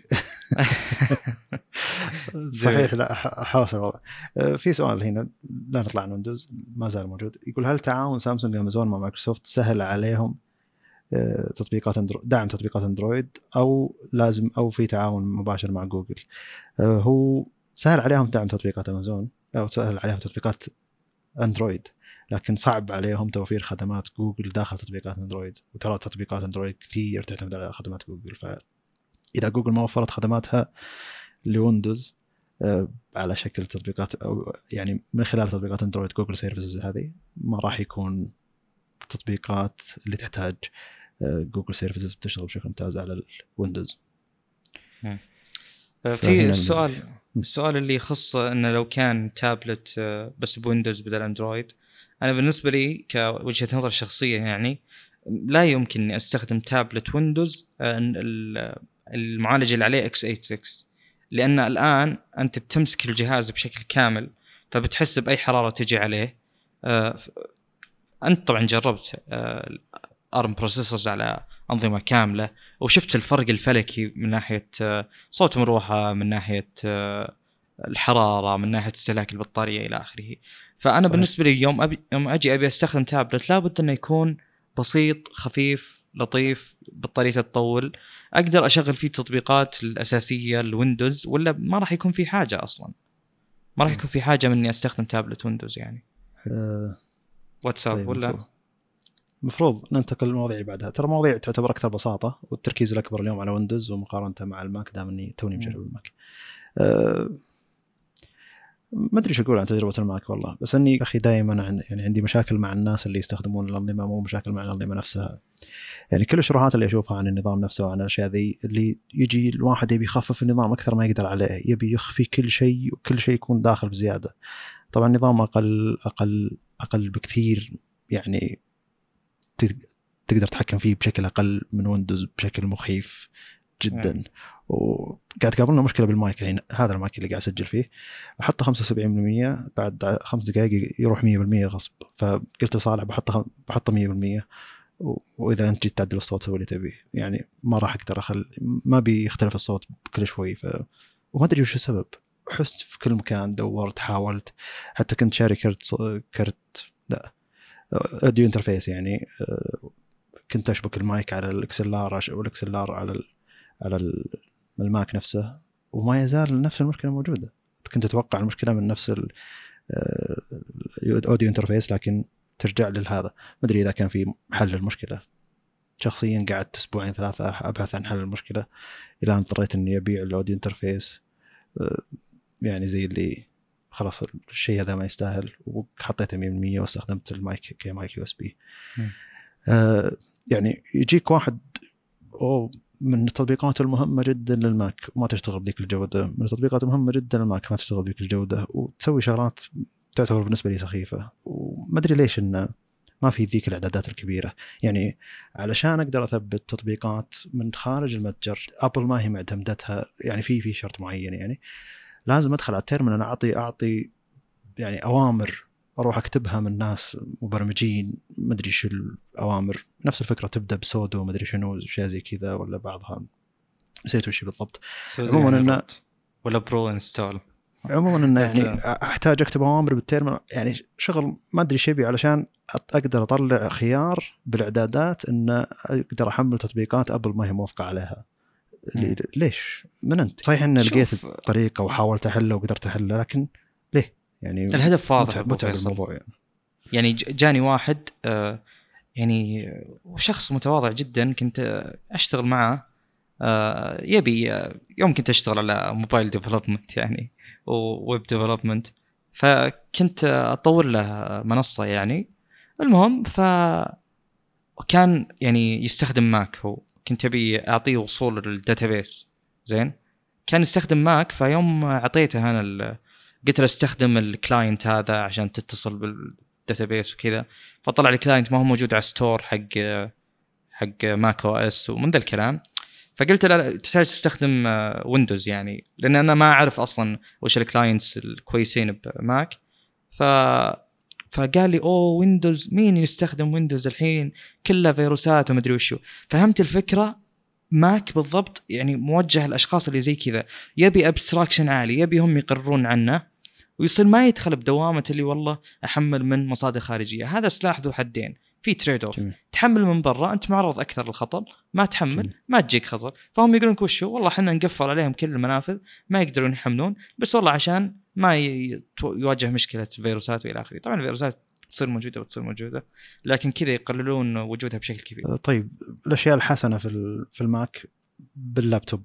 أيام الماك ال keyboard مع keyboard mouse و desktop كان نوعا ما استخدامي له كأني قاعد أستخدم ويندوز. لكن لما استخدمت اللابتوب حسيت إنه أوه لا أبل مسوي اللابتوب أصلا مسوي النظام عشان اللابتوب.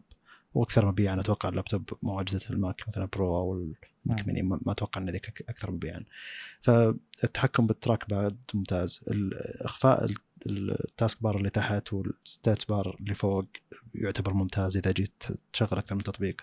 إنه ما يكون إلا يقسم تطبيقين. يعتبر ممتاز لشاشة اللابتوب اللي هي 16 10 أنا ما أبي ما أبي أخذ تطبيقات بالزاوية وتطبيقات يعني ما أحتاج التطبيق اللي أنا شريته اللي هو اسمه Moom عشان اتحكم ال window management وأحط كل تطبيق بزاوية. لا اللي هو جيد التحكم بال اللي هو من خلال رفع ال- ال trackpad ترفع فيها اصابع فوق يطلع لك مثلا desktop جوجل كروم تليجرام مع جوجل كروم اللي هو في في desktop ثالث أنا حاط محادثتي معك في تليجرام نص الشاشة. وجوجل كروم نص الشاشه تويتر مثلا. وتنقل بينهم بالسحب ثلاث اصابع فوق يمين ويسار. يعتبر جدا تعتبر تجربة جدا ممتازة. اظن ويندوز أيام كنت أستخدم لابتوب كانت موجودة ال gestures هذه وكانت تشتغل بشكل جيد أيضا. آه، الإعدادات السريعة تعتبر ممتازة. آه، شيء سيء وأظن ما يزال سيء حتى ال iOS اللي هو التنبيهات. إنك توخر التنبيهات تدير التنبيهات تعتبر سيئة جدا. آه، يعني يطلع لك تنبيه يقعد يعني يقعد كذا على طرف الشاشة. مو اللي يطلع ويروح. يقول لك ترى صار كذا ويم- ويمشي. لا يعني أنت لما ترسل لي رسالة تليجرام ترى تقعد رسالة آه، زاوية الشاشة. اللي لازم أروح واقرب منها والمسها علشان يطلع لي ال X الموجود في الزاوية عشان أروح أضغط عليه. وتخيل المفروض مع كل رساله يسوي أسوي الشيء هذا يعتبر شيء جدا مزعج. فأنا مطفي التنبيهات بالنظام بشكل كامل يعني. فيعتبر شيء مزعج. وأتوقع لو استخدم iOS بيكون هذا شيء يعني. بعد ثلاث أيام أروح أبيع الجهاز عشان التنبيهات فيه بالسوء هذا اللي هو أوه. يعني ويندوز مو ويندوز أقصد اندرويد يعني التنبيهات فيه التحكم بالتنبيهات. يا الله يا أسطوري.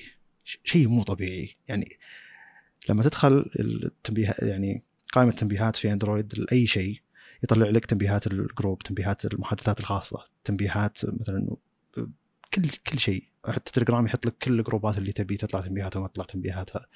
تبي التنبيه تبي ال group هذا يطلع تنبيه اشعار ولا تبي يطلع pop up ولا تبي يطلع صوت ولا ما تبي يطلع صوت. يعني أنا من الأشخاص اللي حتى لو الحين لما قاعد أستخدم الماك مقابل ويندوز أنا من الأشخاص اللي أبي خيارات كثيرة. أبي أتحكم كل شيء. ما عندي مشكلة أقعد نص ساعة ساعة أتفهم الموضوع واتفهم شلون يشتغل لكن أسويه ويشتغل صح على اللي أبيه. مو اللي ما عندك تحكم كبير فخلاص ما تقدر تسوي شيء.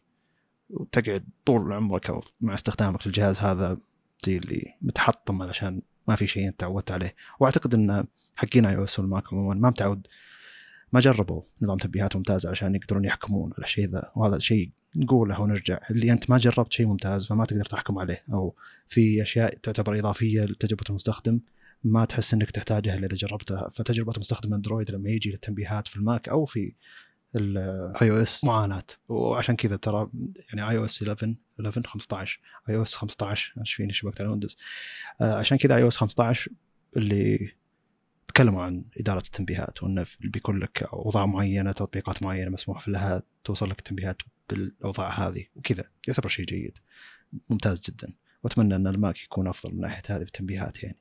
مع إنه ما تكلموا عن الماك الجديد ما تكلموا عن أي شيء يخص التنبيهات لكنها محبطة جدا جدا. يعني ما يعني هو شيء أساسي بالنظام. التنبيهات اللي توصلك علشان الأشياء اللي تروح تركز عليها هي شيء أساسي بالنظام. ما هو شيء جانبي ما تركز عليه. كمية الإزعاج اللي تجي مزعجة. كمية إن ما أقدر أتفاعل مع التنبيهات بشكل مباشر مزعج. يعني بالأندرويد اللي هو يعتبر نظام أكثر بساطة على جهاز ذكي صغير. تقدر ترد من دون لا تطلع من التطبيق. بينما في الماك لا لازم أدخل التطبيق وأروح أرد عليك يعني ليش؟ اللي علشان أرد على إيميل وصلني ولا عشان أقرأ لازم أروح أفتح ولا لازم أروح يعني زي متعب. ليش ما أقدر أكبر التنبيه هذا؟ ليش ما أقدر أرد على التنبيه بشكل مباشر؟ ليش ما ليش ما في إعدادات سريعة للتنبيه؟ زي اللي عندك مساحة. شيء أكثر يقهر. من الجوال. المفروض إنه أكثر م. إنك تقدر تتحكم. يعني المفروض يطلع لي text box صغير أكتب فيه ردي وخلاص أرسل. بالضبط. وهذا شيء يعني على كلامهم بحسب اللي شفته في ال presentation حق ويندوز إنه بيصير أحسن وأحسن.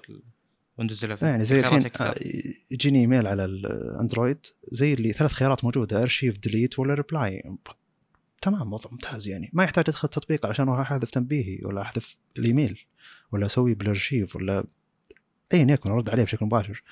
زي اللي إيميلات حقت البنوك ولا ذي الأشياء اللي تجيك بشكل دوري مثلا اللي delete مباشرة. يعني الموضوع سهل.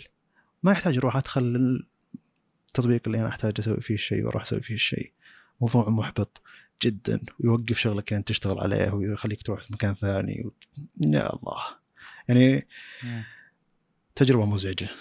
يعني اشوفني ما قررت إني أشتري اي أو اس عشان الناحية هذه صراحة.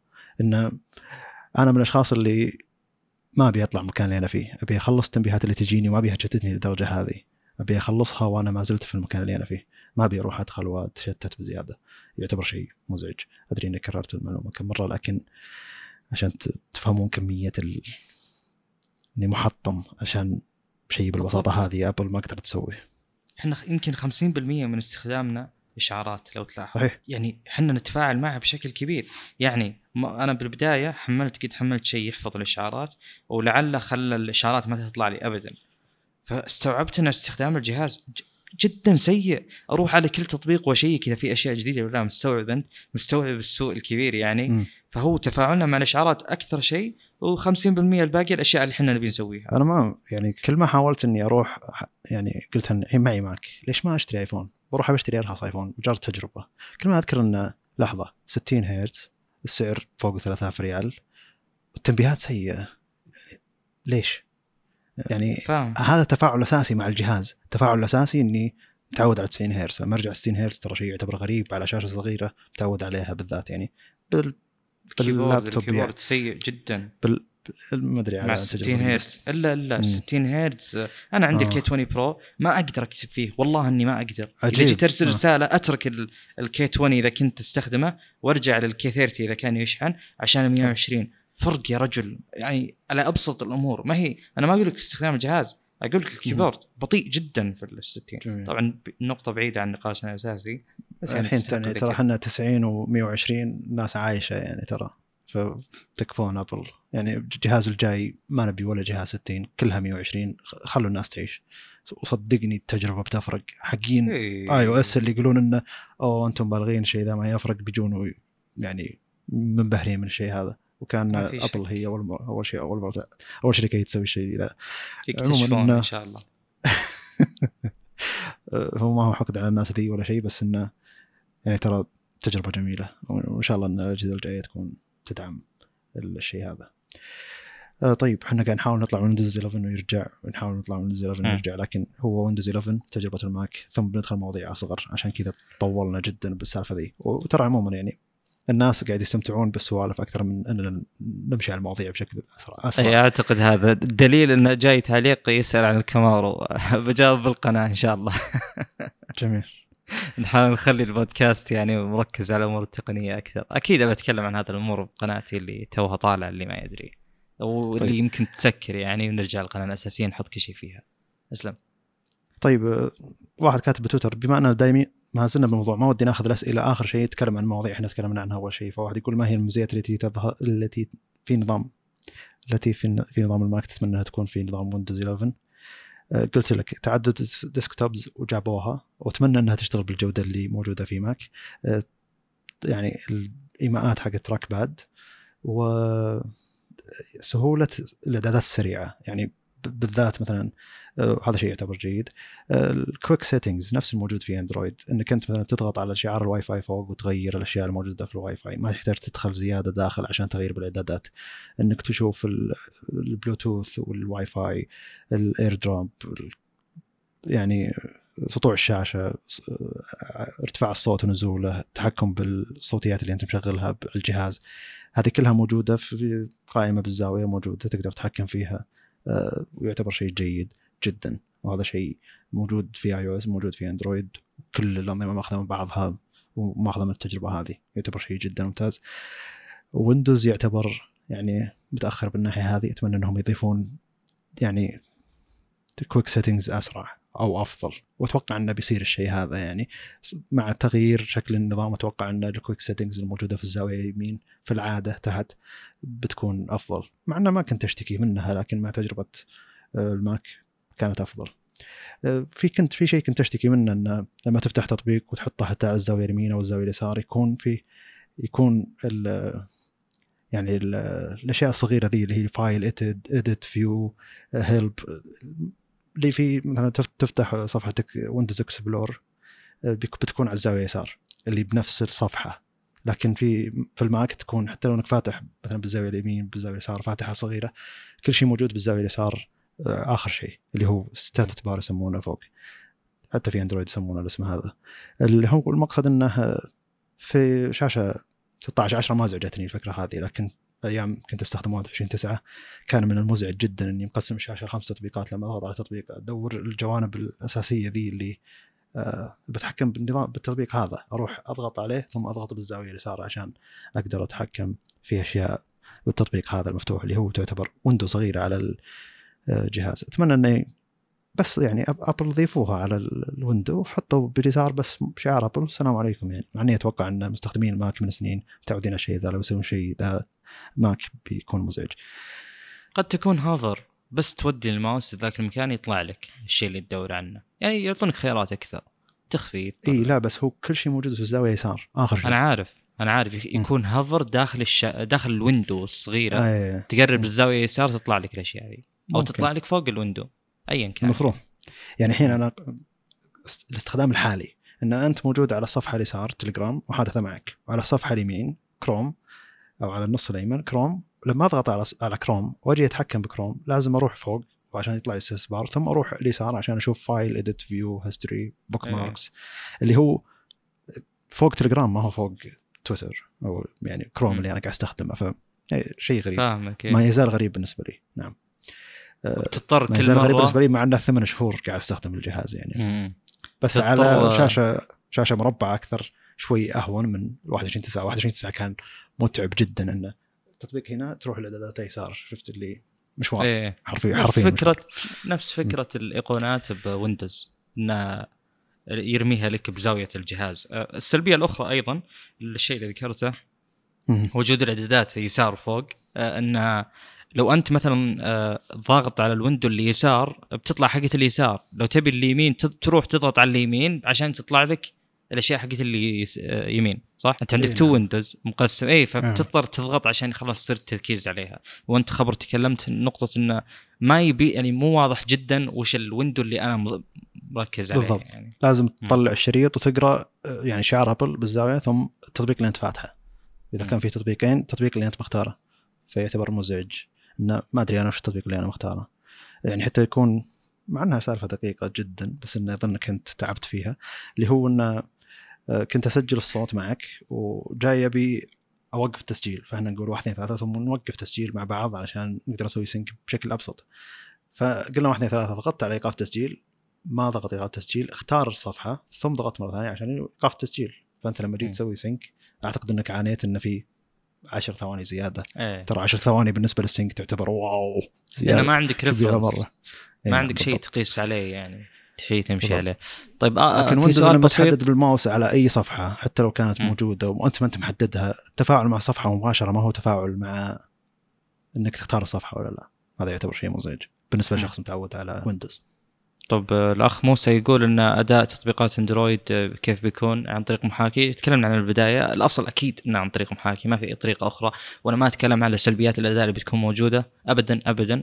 ممكن يكون الأداء ممتاز. الكلام مو على الأداء الكلام على إنه لو كان آه، لو كان تشغيل التطبيق ب- يعني كأنك محمل تطبيق على جهاز آخر منفصل تماما بيصير ما منه أي فائده بالذات أنا ما عندك حق Google autofill والأشياء هذه اللي تعبي لك بسرعة أمور ال credentials حق تسجيل الدخول ومدري وشو فما راح تكون تجربة زينة ابدا أنا ما أشوف انه في أي محفز إني أستخدم التطبيقات هذه على على Windows شوف. مثلا هو أول شيء للمطورين يعني الشخص اللي قاعد يطور ما يحتاج يروح يسوي virtual phones عشان virtual. phones phones عشان يقدر يجرب النظام حق التطبيق حقه يقدر يجربه لما يحمل APK على نفس ال Windows ويشغله على نفس ال Windows. دام إن المهندسين حقين Windows قاعد يقولون إنه بيشتغل بشكل مباشر على Windows. ال APK ترى. قالها أحد مهندسين Windows يعني.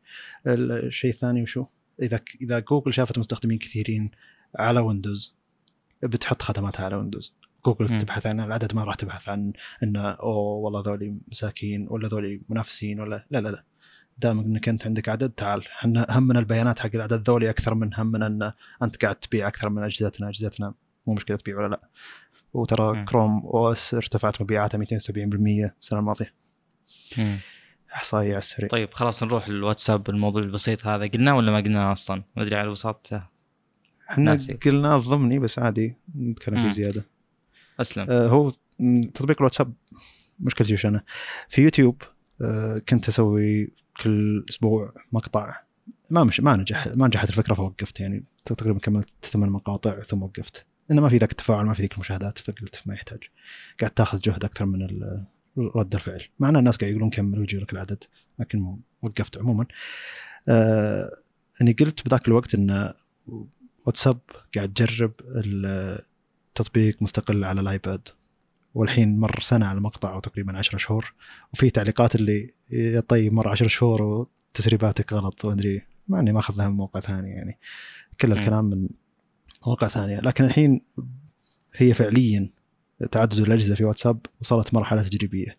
مو واتساب ويب تعدد الأجهزة. معناته إنك عندك جهاز أندرويد عندك جهاز أندرويد ثاني تقدر تشغل عليهم اثنينهم. نفس رقم الجوال نفس الحساب. ما يحتاج تسجل دخول خروج من هنا. أول كلام وش- عنها انها لها علاقة بالأمان يعني. وش. وضع ال backup. وال restore؟ هذا السؤال. المفروض إنه يكون cloud حقهم يعني خلاص. لا مستحيل. ما عندهم ليش فيسبوك قدره ما تقدر يعني؟ فيسبوك لا، قديمة هي. لا بس كم عندك مستخدم واتساب؟ مستحيل. بيكون عبارة عن WhatsApp Web. آه يعني بيكون ال- ال- آخر واحد جاء تحديث هو اللي ين- ينخذ منه ياخذ من الجهاز الثاني. يستخدم الجهاز الثاني الجهاز الأول صار أقدم خلاص الجهاز ال- الثاني ياخذ من الأول وهكذا. طريقة بدائية سيئة منك- جدا. لا بيطلب منك إنه ب Google Drive ترفعها مرة ثانية وتحملها من هنا. لا يعني- لا أنا ما أتوقع كذا. أنا أتوقع الفكرة إنه هو بيحفظ يسوي record للجهاز الأحدث بياخذ منه. ترى إيه، محادثات واتساب الحين تقدر تطلعها كملف تقدر تطلعها كملف إيه، من جهاز لجهاز. يفتحها بشكل مباشر جيد يعتبر ترى. فما أعتقد إنهم هم مهتمين إنه يعني اللي بينتقل من جهاز لجهاز بينقل تحديث يعني محادثاته لكن اللي بيشتغل على جهازين مو مهم دام المحادثات موجودة بأحد الأجهزة ما يضر إنها موجودة بالاجهزه الثانية مع إنه المفروض إنها تندعم إنك تقدر تضيف التح... تقدر ترجع المحادثات من ملف ثاني حتى لو إنك سجلت دخول. هنا صح. المشكلة تعتبر ترى يعني واتساب لما تسجل دخول وتخلص ما لك أمل ترجع يعطيك خيار مرة واحدة. محادثة. اي ما لك أمل تروح ترجع تقول له جيب لي المحادثات اللي أنا حطيتها هناك. ترى تجي على شكل ملفي يعني إذا كنت تحتاجها. المفروض. هي تروح على Google Drive على ملف أو تروح على cloud على ملف. آه، المفروض إنها تقدر تجيبها بأي وقت أنت تحتاجها. دامها موجودة على cloud أنت يعني فيسبوك ما هي دافعت لهم فلوس عشان يسوون شيء ذا يعني. والله ممكن دفعت لهم فلوس ما أدري ما ودي أتكلم. آه، بس. عموما المقصد إنه يعني المفروض لك الخيار إنك ترجع المحادثات حقتك بأي وقت تحتاجها دام الموجود على الإيميل حقك يعني. يعني ماخذه من المساحة ال 15 جيجا اللي تعطيك إياها جوجل يعني. طيب مم. اللي بعده. اللي هو لحظة لحظة آه، هنا ترى التليجرام يا الله أخي تطبيق خرافي ذا يعني الحين فيس فيس تايم قالوا إنه بيكون تقدر تكلم و... وفيديو ذا وتشارك الشاشة حقتك مع أي أحد فأضافوا فيديو جماعي تليجرام وأضافوا إنك تقدر ت... يعني آه، تنشر شا...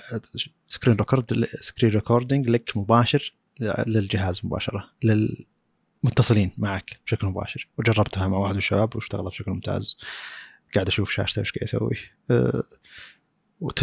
يا الله الواجهة حقتها ممتازة جدا وتجربه المستخدم جميلة. يعني زي اللي هو سأل أوه شلون تسوي الشيء ذا؟ ما قلت له شلون يسوي الشيء ذا. بحث شوي لقى المكان وقال أوه شوف شاشتي. فهمت اللي؟ جدا بسيطة تعتبر. ما يحتاج إنك روح للزاوية ذي اضغط هنا اضغط هنا يعني ما هي معقدة. فالحين زي اللي هم سمعوا انه في ميزة موجودة في فيس تايم سووها قبل الفيس تايم يصدر التحديث عشان يضيف الميزه هذه أصلا. فيعتبر شيء جيد. مكالمات جماعية ومشاركة الشاشة للغير. آه، مع إنه ما ندعم للحين على الماك والويندوز الظاهر. حلو. جميل. هذا الشيء تكلمنا عنه كثير. تليجرام واتساب ما يحتاج ندخل بالنقاش من جديد. آه الشيء الثالث أيضا خبر سريع جدا اللي هو معالج سامسونج القادم بالتعاون مع AMD آه بيجي قريب. آه يعني السوق آه زي ما توقعنا قبل آه مع الضعف العالمي مدري وش الحوسة اللي صارت بالعالم من ناحية توفير المعالجات آه وتوفير ال semiconductors يعني بشكل عام. هذا موضوع مو متعلق بشكل أساسي بالموضوع اللي قلته بس فكرة إن الآن سامسونج داخلة وبقوة كبيرة جدا جدا جدا للسوق هذا يوضح قديش إن العالم يحتاج بشكل كبير جدا. وإن سطوة إنفيديا شيء ما هو إيجابي للسوق يعني إذا كانت مسيطره على كل شيء. تكلمنا أيضا عن الكروت في الحلقة الماضية. المهم في وقتها بنفصل عنه وبنتكلم أكثر وبالذات إذا طلعت أرقام طلعت أشياء نقدر نقيس فيها ونقدر نعرف وش الوضع. ذاك الوقت.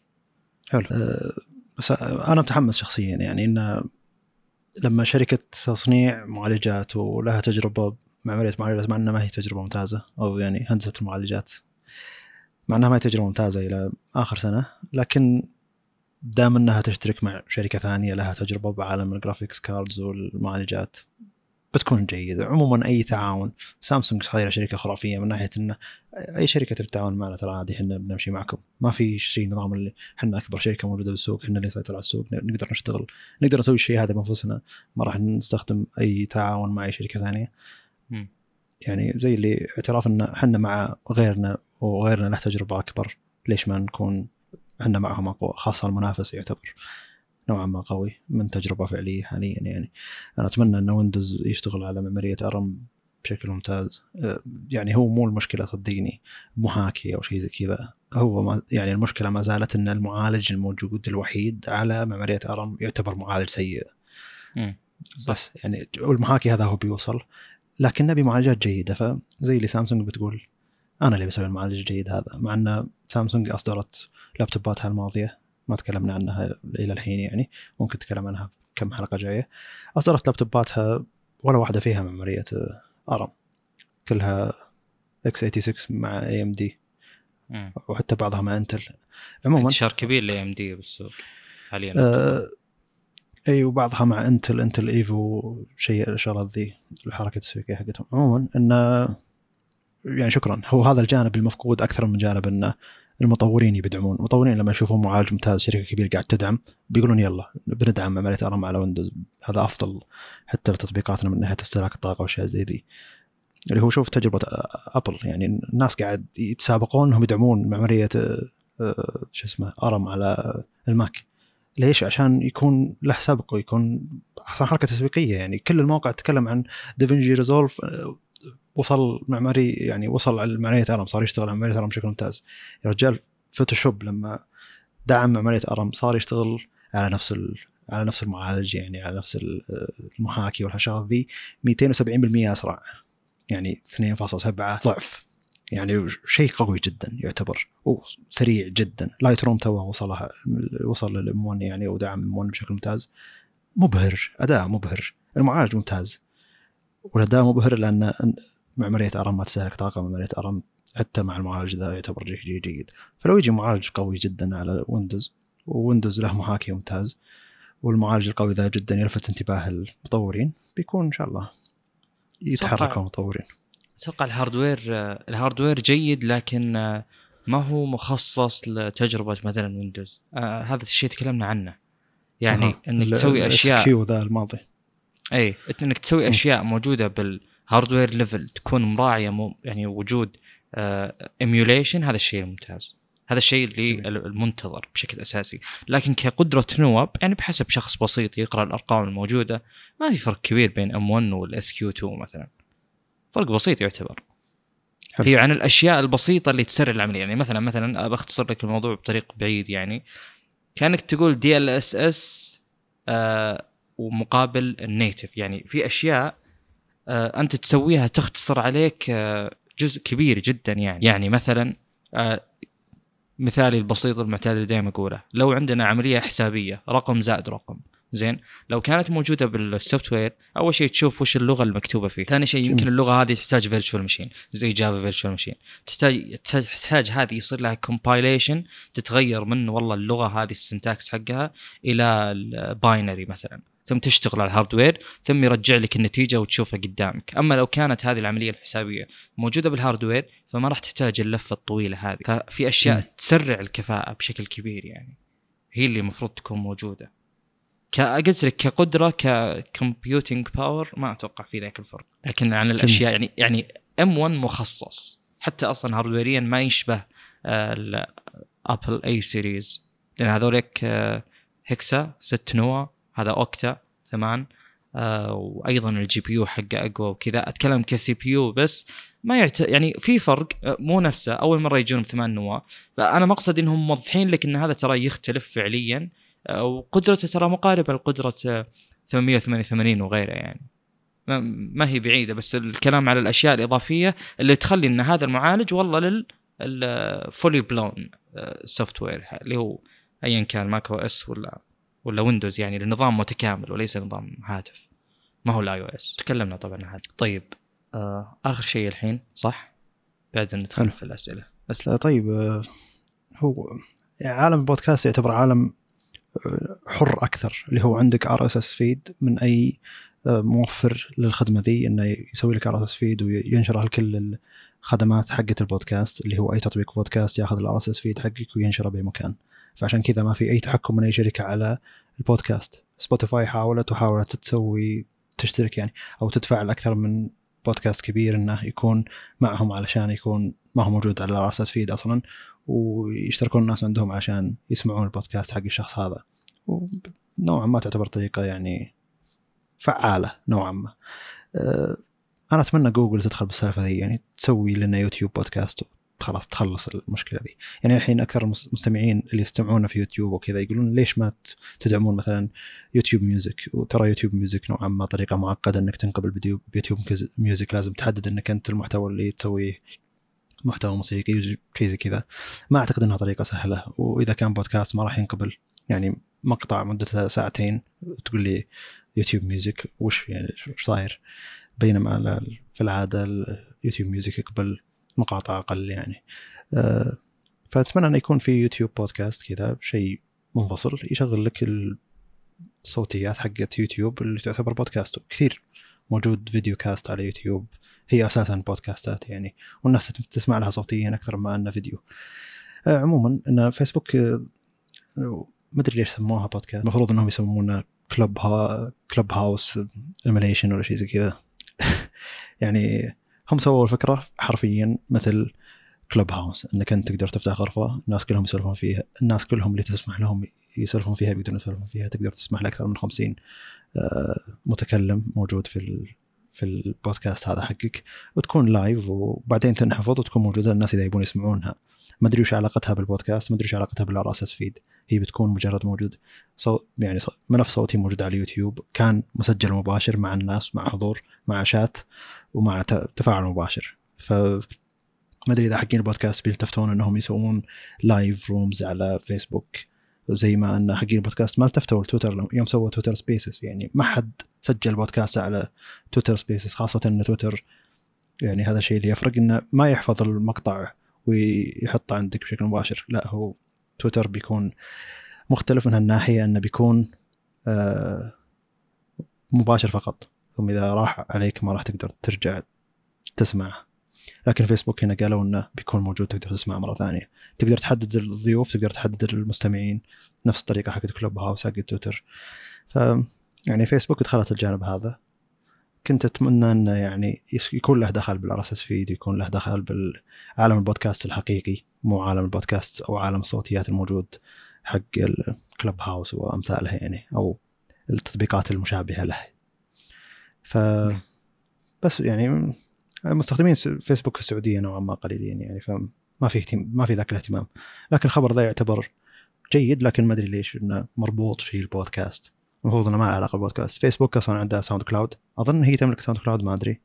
يمكن افتيت ذا براسي بس عموما SoundCloud ترى تقدر تسوي له RSS feed تقدر من SoundCloud تنشر على باقي تطبيقات البودكاستات. فهذا جانب ثاني إنه SoundCloud نفسه ترى هو منصة للموسيقى للبودكاست. وتقدر أيضا يعني توزع صوتي صوتيه الموجوده ورفعتها على SoundCloud على RSS feed بشكل مباشر. يعتبر شيء جيد. أه يعني حلوا مشكلة جيدة نوعا ما من ناحية إنه هو المكان اللي أنت ترفع فيه هو المكان اللي موجود فيه الصوت وموجود فيه صوت على RSS feed بنفس المكان بينما التطبيقات الثانية أو المواقع الثانية اللي تدعم إنك تسوي على RSS feed ما لها تطبيق هي فعليا. ترى أنت قاعد ترفع عندنا وحنا قاعد نسوي لك RSS feed لا هو أنت قاعد أنت قاعد ترفع عندنا وحنا قاعد نرفع على RSS feed بشكل مباشر ما راح يكون موجود عندنا الملف بيكون موجود على RSS feed فهذا الفرق يعني. يعني الكلام في المنصات يعني فيها حوسة زي ما قلت أنت فعلا كثيرة وما هي يعني ما تحس إنه في مكان رسمي أنت تحط فيه وخلاص المفروض إنه يكون في شيء موحد وانتهى الموضوع يعني. واصلا طريقة التقييم أنا ما أدري شلون يعني دائما الطلب يكون على إن تقييمات iTunes هي اللي ترفع وتنشر البودكاست وكذا. ففي فعلا حوسة أشوف إنها ما لها داعي وفعلا لو كان في standard موحد وخلاص ينتهي الموضوع. زي يوتيوب خلاص يعني ما ما, ما في والله جت منصة ثانية آه، تقول لك هذا تطبيقنا عبارة عن لأن تقدر تسوي هذا الشيء تخلي في تطبيق ياخذ آه، مقاطع يوتيوب نفسها بس يعرضها لك بطريقة أخرى يعني. ما له داعي هذا الشيء ليش يكون موجود أصلا يعني؟ بالذات ان أغلب البودكاست يعني ما ما هو شيء مدفوع أصلا. جميل. طيب, طيب المفروض نروح للاسئله والاستفسارات إيه يلا. اللي موجودين معنا على البث المباشر بيوتيوب معنا عددهم قليل لكن الحين إذا أي واحد يبي يستفسر يستفسر حاليا. اللي يستفسر وسط البودكاست ترى إحنا يعني نكون مركزين على البودكاست ما مركزين على التعليقات المباشرة بيوتيوب مع ان صالح قاعد يقرأ بعضها يعني. إيه. جميل. أبدأ أنا. سم. أه السلام عليكم. لدي اقتراح أنكم تتكلمون عن خدمات البث من الكمبيوتر إلى أي جهاز آخر مثل بريس Parsec و Moonlight وغيرها. ما هي أفضل خدمة للبث من هذا النوع؟ شخصيا ما لي تجربة. ما أدري بث الكمبيوتر لحظة البث من الكمبيوتر إلى أي جهاز آخر؟ Chromecast يعني ولا ما أدري Moonlight و Parsec هذا وش ما لي علم وش هو Moonlight اشياء بثوث ما أدري إيش. لا ما ما أدري بث هو بث وش يعني؟ تبث من الكمبيوتر لاي جهاز آخر. أتوقع إنه يقصد خدمات التحكم بالكمبيوتر من مكان ثاني. مثلا أتوقع أتوقع انه إذا مثلا عندك تابلت أندرويد تقدر تفتح كمبيوترك الويندوز على أحد التطبيقات تتحكم كمبيوترك الويندوز عن بعد مثلا. أتوقع إن هذا الاشياء اللي يقصدها ما لي تجربة شخصيا ولا ولا قد الشيء هذا يعني. أه سؤال جاوبناه بوسط هذا اللي مع عبد الكريم العبود. يقول ما هي المميزات التي في نظام الماك تتمنى تكون في نظام ويندوز 11 تقريبا جاوبت عنه. رجاء تعليق على حركة مايكروسوفت بعدم دعم ويندوز 11 لمعالجات الجيل السابع. و Ryzen الجيل الأول كنا نتوقع انه تقدم شيء جدي للمعماريه ARM. هو تقريبا ترى شيء جدي يعني انها تسوي محاكي لمعماريه 64 بت هذا شيء هذه هي الخطوة اللي إحنا نبيها من زمان وهذا يعتبر شيء جدي فعليا يعني. الشيء الجدي الباقي إنه يسوون معالج مناسب للويندوز بشكل أفضل. ما هو معالج أندرويد يجي يشتغل على ويندوز ويحاول يشغل تطبيقات ويندوز exe يعني أقصد على x86 يعني. على العالم عمليه ترى مباشرة. طيب يقول ما أدري إذا بتتكلمون عن تقنية AMD الجديدة FSR أظن ورأيك رأيكم فيها. أظن آه، هي تقنية مشابهة لتقنيات Nvidia ذيك ال ray tracing أو شيء زي كذا. DLSS DL SS اللي هي deep learning sampling something المهم عندي كلام عنها. كلام بسيط آه، لأن الدعم لا زال جدا بسيط يعني. آه، باختصار هذه الأصل فيها انه عبارة عن DLSS DLSS اللي ما يعرفه آه، تاخذ آه، مثلا full HD تسوي لها upscale إلى 4K آه، باستخدام خوارزميات وتقنيات software يه وليس hardware يه انه يحاول يعطيك نفس ال input يعني يعطيك آه، قالب ال full HD مثلا ويعبي الفراغات الزايدة باللي يشوفه هو أنسب بناء على البعد نعم. المسافة وكذا فيعطيك شيء يعني مقارب لل للأصل لل native resolution المهم باختصار شديد جدا في أكثر من mode. هذه ميزتها وهذا الشيء الغريب جدا أن تقدر تثبتها على أي كرت. يعني لو تشوف نسخة الس- أو صفحة ال support عندهم يقول لك AMD Radeon 6000 series 6000 M 5000 5000 M VII كل كل الكروت تقريبا وأيضا Nvidia ال RTX 20 وال 16 وال 10 وال 30 series كل كل الكروت الموجودة حاليا يعني خلينا نقول من 2014 وطالع مدعومة في آه، إنك تثبت هذا الشيء عليها. اللي صار إيش؟ انه قالوا هذه التقنية عندنا موجودة اسمها FidelityFX Super Resolution تقدر أي مطور موفرين tools لاستخدام ال- ال- ال- الشيء هذا. إنه لازم طبعا اللعبة تدعم. آه، في ألعاب الآن تدعم. آه، أبرز لعبة Godfall يقولون إنه أعطينا لأحد الشركات أعطينا المطورين ال- الكود وقلنا لهم يلا ثبتوا هذا الشيء عندكم وأخذ منهم ساعتين مثلا. هذا استدلال إن تثبيتها سهل بالنسبة للمطورين. الظاهر في. سبع ألعاب أتوقع الحين يعني قادم الدعم لها. أه بقول لكم لستة الألعاب upcoming في واحدة اسمها Asterigos ما أدري والله وشو. وفي Dota 2 في Far Cry 6 في Farming Simulator في Myst Hired Gun Forspoken Village Resident Evil Village النسخة هذه. أنا ترى كل الالعاب ما أعرفها إلا Far Cry 6 في Bloodhunt وفي لعبتين زيادة صراحة ما أدري شلون تنقرأ اشعاراتهم بغض النظر المقصد الآن إن هذه الكل يقدر يستخدمها سواء hardware level ولا كمطورين. تثبتها على اللعبة على كلامهم إنه ما في ذيك الصعوبة. في عندك أكثر من آه، mode لل للاستخدام.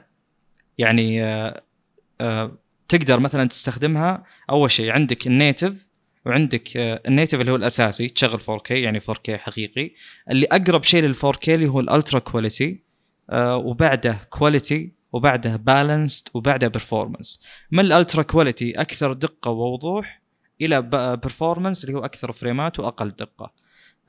بحسب التجربة اللي موجودة عند آه، قناة آه، Linus آه، ال ultra quality آه، 1662 p هي الأصل 2160 اللي هو ال 4K ال ultra HD هذه آه، من 1662 تسوي upscale إلى 2160 وال quality 1440 p ال balanced 1270 p ال performance ياخذ حرفيا full HD يسوي له upscale إلى 4K طيب قد إيش كم نسبة الأداء اللي نتكلم عنه؟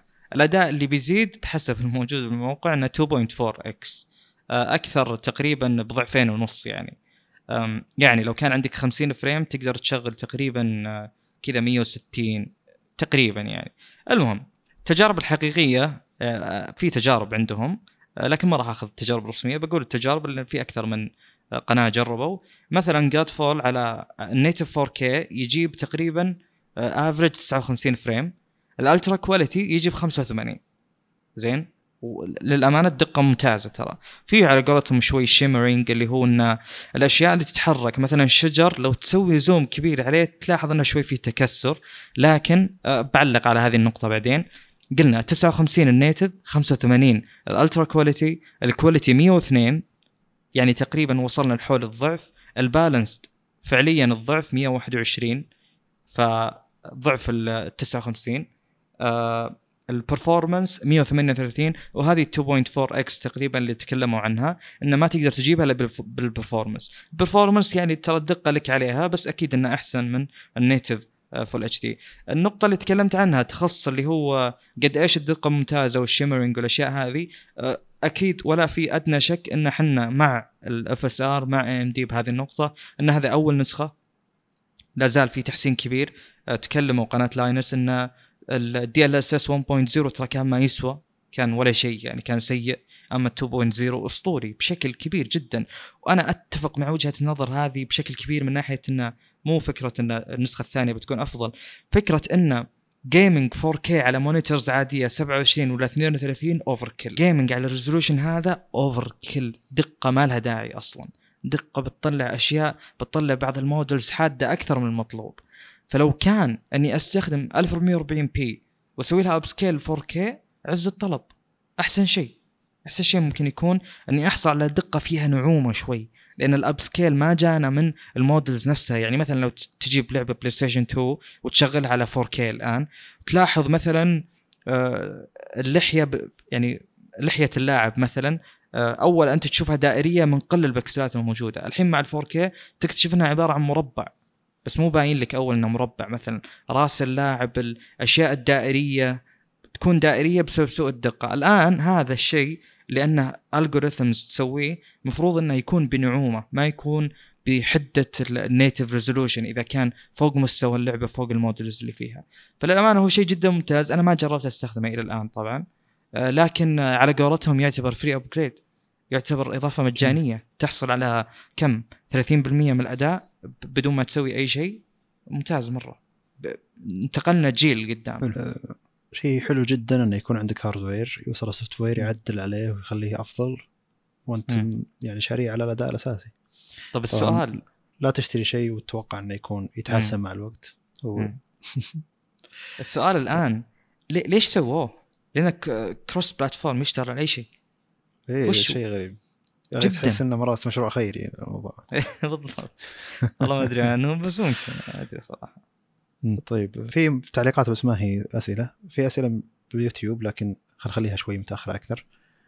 آه، في واحد قال ص... الأخ صالح قال أخيرا حلقة جديدة صراحة ماني ما في أحد ينافسكم كبودكاست تقني عربي سواء مواضيع أو حتى حوار ونقاوة صوت. وانت. وأنتم فاهمين على بعض والحلقات حقتكم ما فيها حشو نفس باقي البودكاستات. ما نبي نغضب باقي البودكاستات يعني بس شكرا. شكرا. ويقول من يوم قطعتم وأنا وأنا أنتظر الحلقة الجديدة وأخيرا جاري الاستماع. الأخ الثاني اسمه الحمد لله وكاتب الحمد لله. قال أهلا أهلا أهلا أهلا أهلا, أهلا. قلتها على العدد يعني يشتقنا آه الأخ محمد قال أهلا بكم من جديد مشتاقين لكم. آه ما أعرف أقرأ الاسم لكن اليوزر الشاهلي الظاهر أو الشالاهي وعليكم السلام. تشكرون على جهودكم. عندي اقتراح إنه يكون في فقرة في البودكاست عن تطبيق أو موضوع يقدم خدمة غير معروفة للأغلبية عجبتكم وتنصحون فيها. ترى هي تجي ضمنية يعني بتطبيق ال Tab اللي تكلمت عنها جاء ضمني وأتوقع ان تكلمنا عن أشياء كثيرة جت ضمنية. آه، الخدمات اللي نستخدمها التطبيقات اللي نستخدمها في الغالب نقول اسمائها تطبيق موم اللي استخدمته على ال Mac. آه، عموما إنه ما ودنا نخصص شيء زي كذا نلتزم فيه ويكون متعب علينا البحث عنه بشكل دائم لكن إحنا دائما نحط مثلا حلقات خاصة. حلقة خاصة يكون فيها تجربة hardware أو تجربة software مو بس تجربة hardware فإن شاء الله إنه يكون في حلقة خاصة قدام تكون تجربة سوفتويريه أو هاردويريه ما راح تكون بس لأن جربنا جهاز معين أو سماعة معينة أو جهاز أو كذا. بيكون حتى جربنا تطبيق معين نظام معين تجربة معينة. لكن اليوم دخلنا الحلقة الخاصة ضمنية عشان تكلمنا عن ال Windows فتكلمنا أكثر عن ال Mac وأتمنى نكون يعني استمتعتوا بالاستماع. نرجع لليوتيوب. واحد يقول هل الهاتف يستحق المعالجة الهائلة؟ الأخ عزوز يقول هل الهاتف يستحق كمية المعالجة الهائلة؟ مدري إذا ودك تجاوب. أنا مم. في ناس يقولون إلا يحتاج لأن على حسب الاستخدام يعني هو. GPS في يعني الشبكة اللي هو ال data البيانات اللي هو أقل طيب. مزود. يعني في في تنوع ما في شيء واحد يعتبر intensive شيء يستهلك كل موارد الجهاز زي ما إنك تشغل مثلا لعبة بالكمبيوتر. يعني هذه هذا scope يعتبر مختلف. فهو مو قد يعني مو فكرة إنه يحتاج معالجة هائلة قد ما إنه يحتاج بطريقة معينة وفيها كفاءة إنه يكون جيد بال multitasking يعني إحنا تكلمنا على مثلا معالجات سابقا أنتل مع قل النوى اللي فيها آه في فكرة إنه إيش إذا شغلت شيء intensive وشغلت مع أشياء يتأثر بشكل كبير ليش؟ لأنه يعتبر ال single threaded performance فيه قوي. الأجهزة أنا ما أعتقد إنها بشكل عام تحتاج هذا الشيء، تحتاج بس يكون فيها يعني تعدد مهام ممتاز. آه، مو كاستخدام لك لا كان ال hardware يعني يشغل هذا الشيء بشكل ممتاز. طبعا في ناس أخبروني بهذا المجال يقدرون يفصلون يعرفون وش الجهاز يحتاج. أنا ما أعرف فعليا هو وش يحتاج بس أهم شيء النتيجة النهائية إنه يكون ممتاز بال multitasking لأن في آه، أشياء كثيرة يشغلها. زي ما قلنا الجيروسكوب وال ال- ال- اللي هو ال GPS. اي الأشياء أشياء كثيرة يحتاج لا يخليها live تشتغل أحيانا. مشغل تطبيق انت واتساب فاتح live location مشغل مقطع يشتغل بالخلفية مدري وشو أشياء زي كذا. آه، برامج تحتاج تحدث بيانات زي الطقس وغيره. آه، هي ما هي intensive ما في واحد منهم والله بيسيطر على الجهاز بس هي كثرتهم هي اللي تخلي الموضوع فيه صعوبة. زي مثلا عندك الآن واي فاي الواي فاي شوي يبحث عن الشبكات. إذا الشبكة مو زينة يروح يشوف غيرها. عندك بلوتوث يمكن أنت شابك على أكثر من جهاز. يمكن هو الآن يدور إذا في جهاز جديد يشبك معه مثلا. آه، ففي أشياء جدا كثيرة. مستشعرات زي النور إذا كان قوي يرفع السطوع وغيره فهي كثيرة جدا. مستشعرات حق إذا والله أنت مشغل محتوى صوتي وحطيت آه، شيء قدام المستشعر اللي يخلي يشغل الاير بيس حقت الإذن. فهي كثرة الأشياء. هذه الأشياء ما هي موجودة بال بالكمبيوترات غالبا بالذات الثابتة يعني. فهو مثل ما قلت بالبداية يعني. أنا قش بالعادة يعني خلينا نتكلم عن شيء بتكلم عن تجربة استخدام غريبة اللي هو أظن ميزة ما حد يستخدمها إلا أنا آه، الظاهر اللي هو ال- غالب الأجهزة فيها إنك تحط شبكة الواي فاي هذه هي شبكة ال- الشبكة الغير مفضلة لي. ليش؟ وش يصير يعني حرفيا؟ اللي هو أنا أكون آه، تحت في البيت يكون ال- الواي فاي ال 5 جيجا هرتز وأصل كل البيت اللي تحت. لكن لما اصعد فوق ما يوصل إلى 2.4 جيجا هرتز وال وال تختلف الم- المدى حقت ذي ال- البث الواي فاي من المودم نفسه فغرفتي فوق يوصلها 2.4 هرتز لكن ما توصل ما توصلها ال 5 آه، هي جيجا هرتز ولا هرتز. اي جيجا هرتز إيه. جيجا هرتز آه، ف ال- أول ما أجي أسوي الجهاز أقول له ترى المفضلة هي ال 2.4 جيجا هرتز لا. فهمت؟ إلا. هذا أنا اللي أستخدمه. ليش؟ عشان لما أروح لغرفتي وأستخدم الجهاز ما يقدر يحاول يشبك على ال 5 جيجا هرتز آه. فيتعب الجهاز يتعب البطارية. أغلب الأجهزة التابلت وال- والجوال واللابتوب كلها حاط إنه لا ال 5 جيجا هرتز هذا إذا نزلت تحت. مو إذا صعدت فوق. إذا صعدت فوق يعتبر بعيد يلا يجي شرطة واحدة بالواي فاي فلا تحاول تجيبه. وفرقت معي البطارية لأن القعده في الغرفة كثيرة يعني. ففرقت معي البطارية. يعني الجهاز قاعد يحاول يشبك على 5 جيجا هرتز يشبك ويرجع يفك ويرجع. وهذا كان مم. يسبب إن النت عندي يقطع مع مع التسجيل معك يعني. انه كان شابك على 5 جيجا هرتز ثم شبك على 2.4 ثم رجع على 5 ثم شبك على 2.4 ثم رجع. ودي انه يكون في طريقة يكون الانتقال بينهم سريع ولا يعني الجهاز يعرف وش هو الأقرب وش هو الأحسن. مو يروح يشبك على ال 5 جيجا هرتز ولو إنه أبعد. مع إنه. غريب إنه يشبك على الشبكة الابعد يمكن هو يفضل الشبكة اللي يكون النت فيها أقوى. صح إيه. أحيانا يقول لك. الاتصال مو ثابت يحاول يشبك على غيرها. آه، طيب. آه، الأخ عزوز مرة ثانية يقول عبد الله وش سماعتك؟ سماعه ذي سماعه شاومي. سماعة رخيصة موجودة على علي اكسبرس سماعة داخل الاذن 3.5 لكن غريب يعني شاومي تعطيك أشياء جودتها اعلى من أي سماعة ثانية وسعرها 90 ريال. شيء واستخدمها الح- أنا ما أحب أستخدم داخل الاذن كثير أستخدم over ear أكثر. أه، بس أستخدمها الحين عشان تعزل الصوت عن المايك عشان ما يطلع صوت صالح مرة ثانية بالمايك. يسبب مشكلة في اننا نحاول نعدل الصوت. نعتبر كذا خلصنا الاستفسارات خلصنا التسجيل إن شاء الله. شكرا لكم صراحة. ردود الفعل على إن رجعنا للبودكاست. يعني مع إنه المفروض إنه أوه وينكم من زمان. مو أوه شكرا انكم رجعتوا. أنا توقعت في واحد يجي يشرح يعني إنه لا يا أخي ليش قطعت شهرين بينما لا التقدير إنه أوه أخيرا رجعتوا مشتاقين لكم نبيكم تكملوا يعني رد فعل حلوة يعني شكرا. والناس اللي حضروا على اليوتيوب يعني مع إنهم هم كلهم تسع أشخاص. شكرا ما اعلنا يعني. أصلا يعني ما ما قلنا بالبدايه ترى اليوم بيصير في كذا. لو في واحد. مشغول ما يقدر يدخل. أيوه شكرا على الوقت يعني قاعدين معنا ساعتين و11 دقيقة. نوعا ما بتكون أفضل بتكون أكثر من تسجيل بودكاست لأن بدينا قبل سولفنا معهم شوي. وحتى الحين بنوقف تسجيل ثم بنكمل سوالف معهم شوي اللي يبي شيء. الأخ عزوز ما يزال يقول مشكورين يا شباب محتوى جودة قوية. وغنية بالمعلومات. أه، حاولت إني شوف بث البث اليوتيوب حاولت إني أسوي بجودة ممتازة وكاميرتي جايبها وشابك على اللابتوب وكذا لكن OBS ما اشتغل زين على الماك لأن الماك 1 OBS يشتغل على x86 أفضل. وقاعد استخدم كاميرا الماك فمشينا الجودة. وأهم شيء جودة المحتوى. إن شاء الله جودة المعلومات غنية بالمعلومات. توافق اللي بيني وبين بين صالح. ال- البودكاست هو الأهم من من البث نفسه. فعشان كذا إني مشيت إنه خلينا نجرب تجربة البث. يمكن يكون في ناس ودهم يحضرون مباشر ودهم يتفاعلون معنا مباشر. وشكرا لهم يعني. معنا من البداية من الساعة 10 و47 من الساعة 10 و17 دقيقة والحين 12 و25 دقيقة. الشباب شكرا. آه، يعني شخصيا ومرات كثيرة أقول يعني أنا صعب أروح آه، أعطي وقتي لشخص ساعتين وشوي آه، علشان شيء زي كذا. يعني مرات أقول أوه بشوفها بعدين أو شيء مع لهم الخيار يعني. لكن إن اشخاص يكونون مهتمين فيني ومحتواي لدرجة إنهم قعدوا معي ساعتين ونص نسولف عن أشياء تقنية شكرا. العدد قليل لكن في مشاعر تفاعل. كبيرة مشاعر كبيرة نعم. آه، في في حب بيننا وبين المتابعين إن شاء الله. في- يعني المتابعين يعني شكرا شكرا إلى إلى درجة بعيدة أنكم قاعد تقدرون أن هذا المحتوى هو فعلا محتوى قوي. هو معلومات مليان. أنت لما تسمع هنا تسمع شيء يستاهل. ما هو مجرد تسويق ولا شيء جديد نزل بس بنتكلم عنه. انه يعني إحنا قاعد نتكلم عن ويندوز 11 لكن التجربة اللي حولها والكلام عن الأنظمة الثانية وتجربة التطبيقات اللي حولها وتجربة عن تجربة المستخدم اللي بالأماكن الثانية هي هذا ال هذا ال غنى غنى المحتوى. لكن كل من يقدر يجي ويسرد مواصفات ويندوز 11 كل من يقدر يجي ويقرأ مواصفات ويندوز 11 بأي مكان موجود.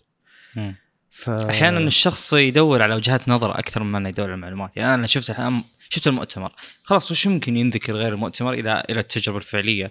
فتسمع حلو. وجهات نظر عشان تخليك تتبصر على أشياء ما انتبهت لها قبل يعني. حلو. وش- وشخصيا ترى أنا متابع حقين ابل ومع اني مع الحين صرت حق صرت من حقين ابل يعني بس المقصد انه الناس اللي يحبون ابل ينتقدون أي شيء ويندوز الناس اللي يحبون ويندوز ينتقدون أي شيء ابل أحب أقرأ كل وجهات النظر حتى لو أنا معارضها لأن من هنا تنبنى وجهة النظر إنك لما تسمع الطرفين لما تحاول إنك تجرب كل شيء. ف شكرا.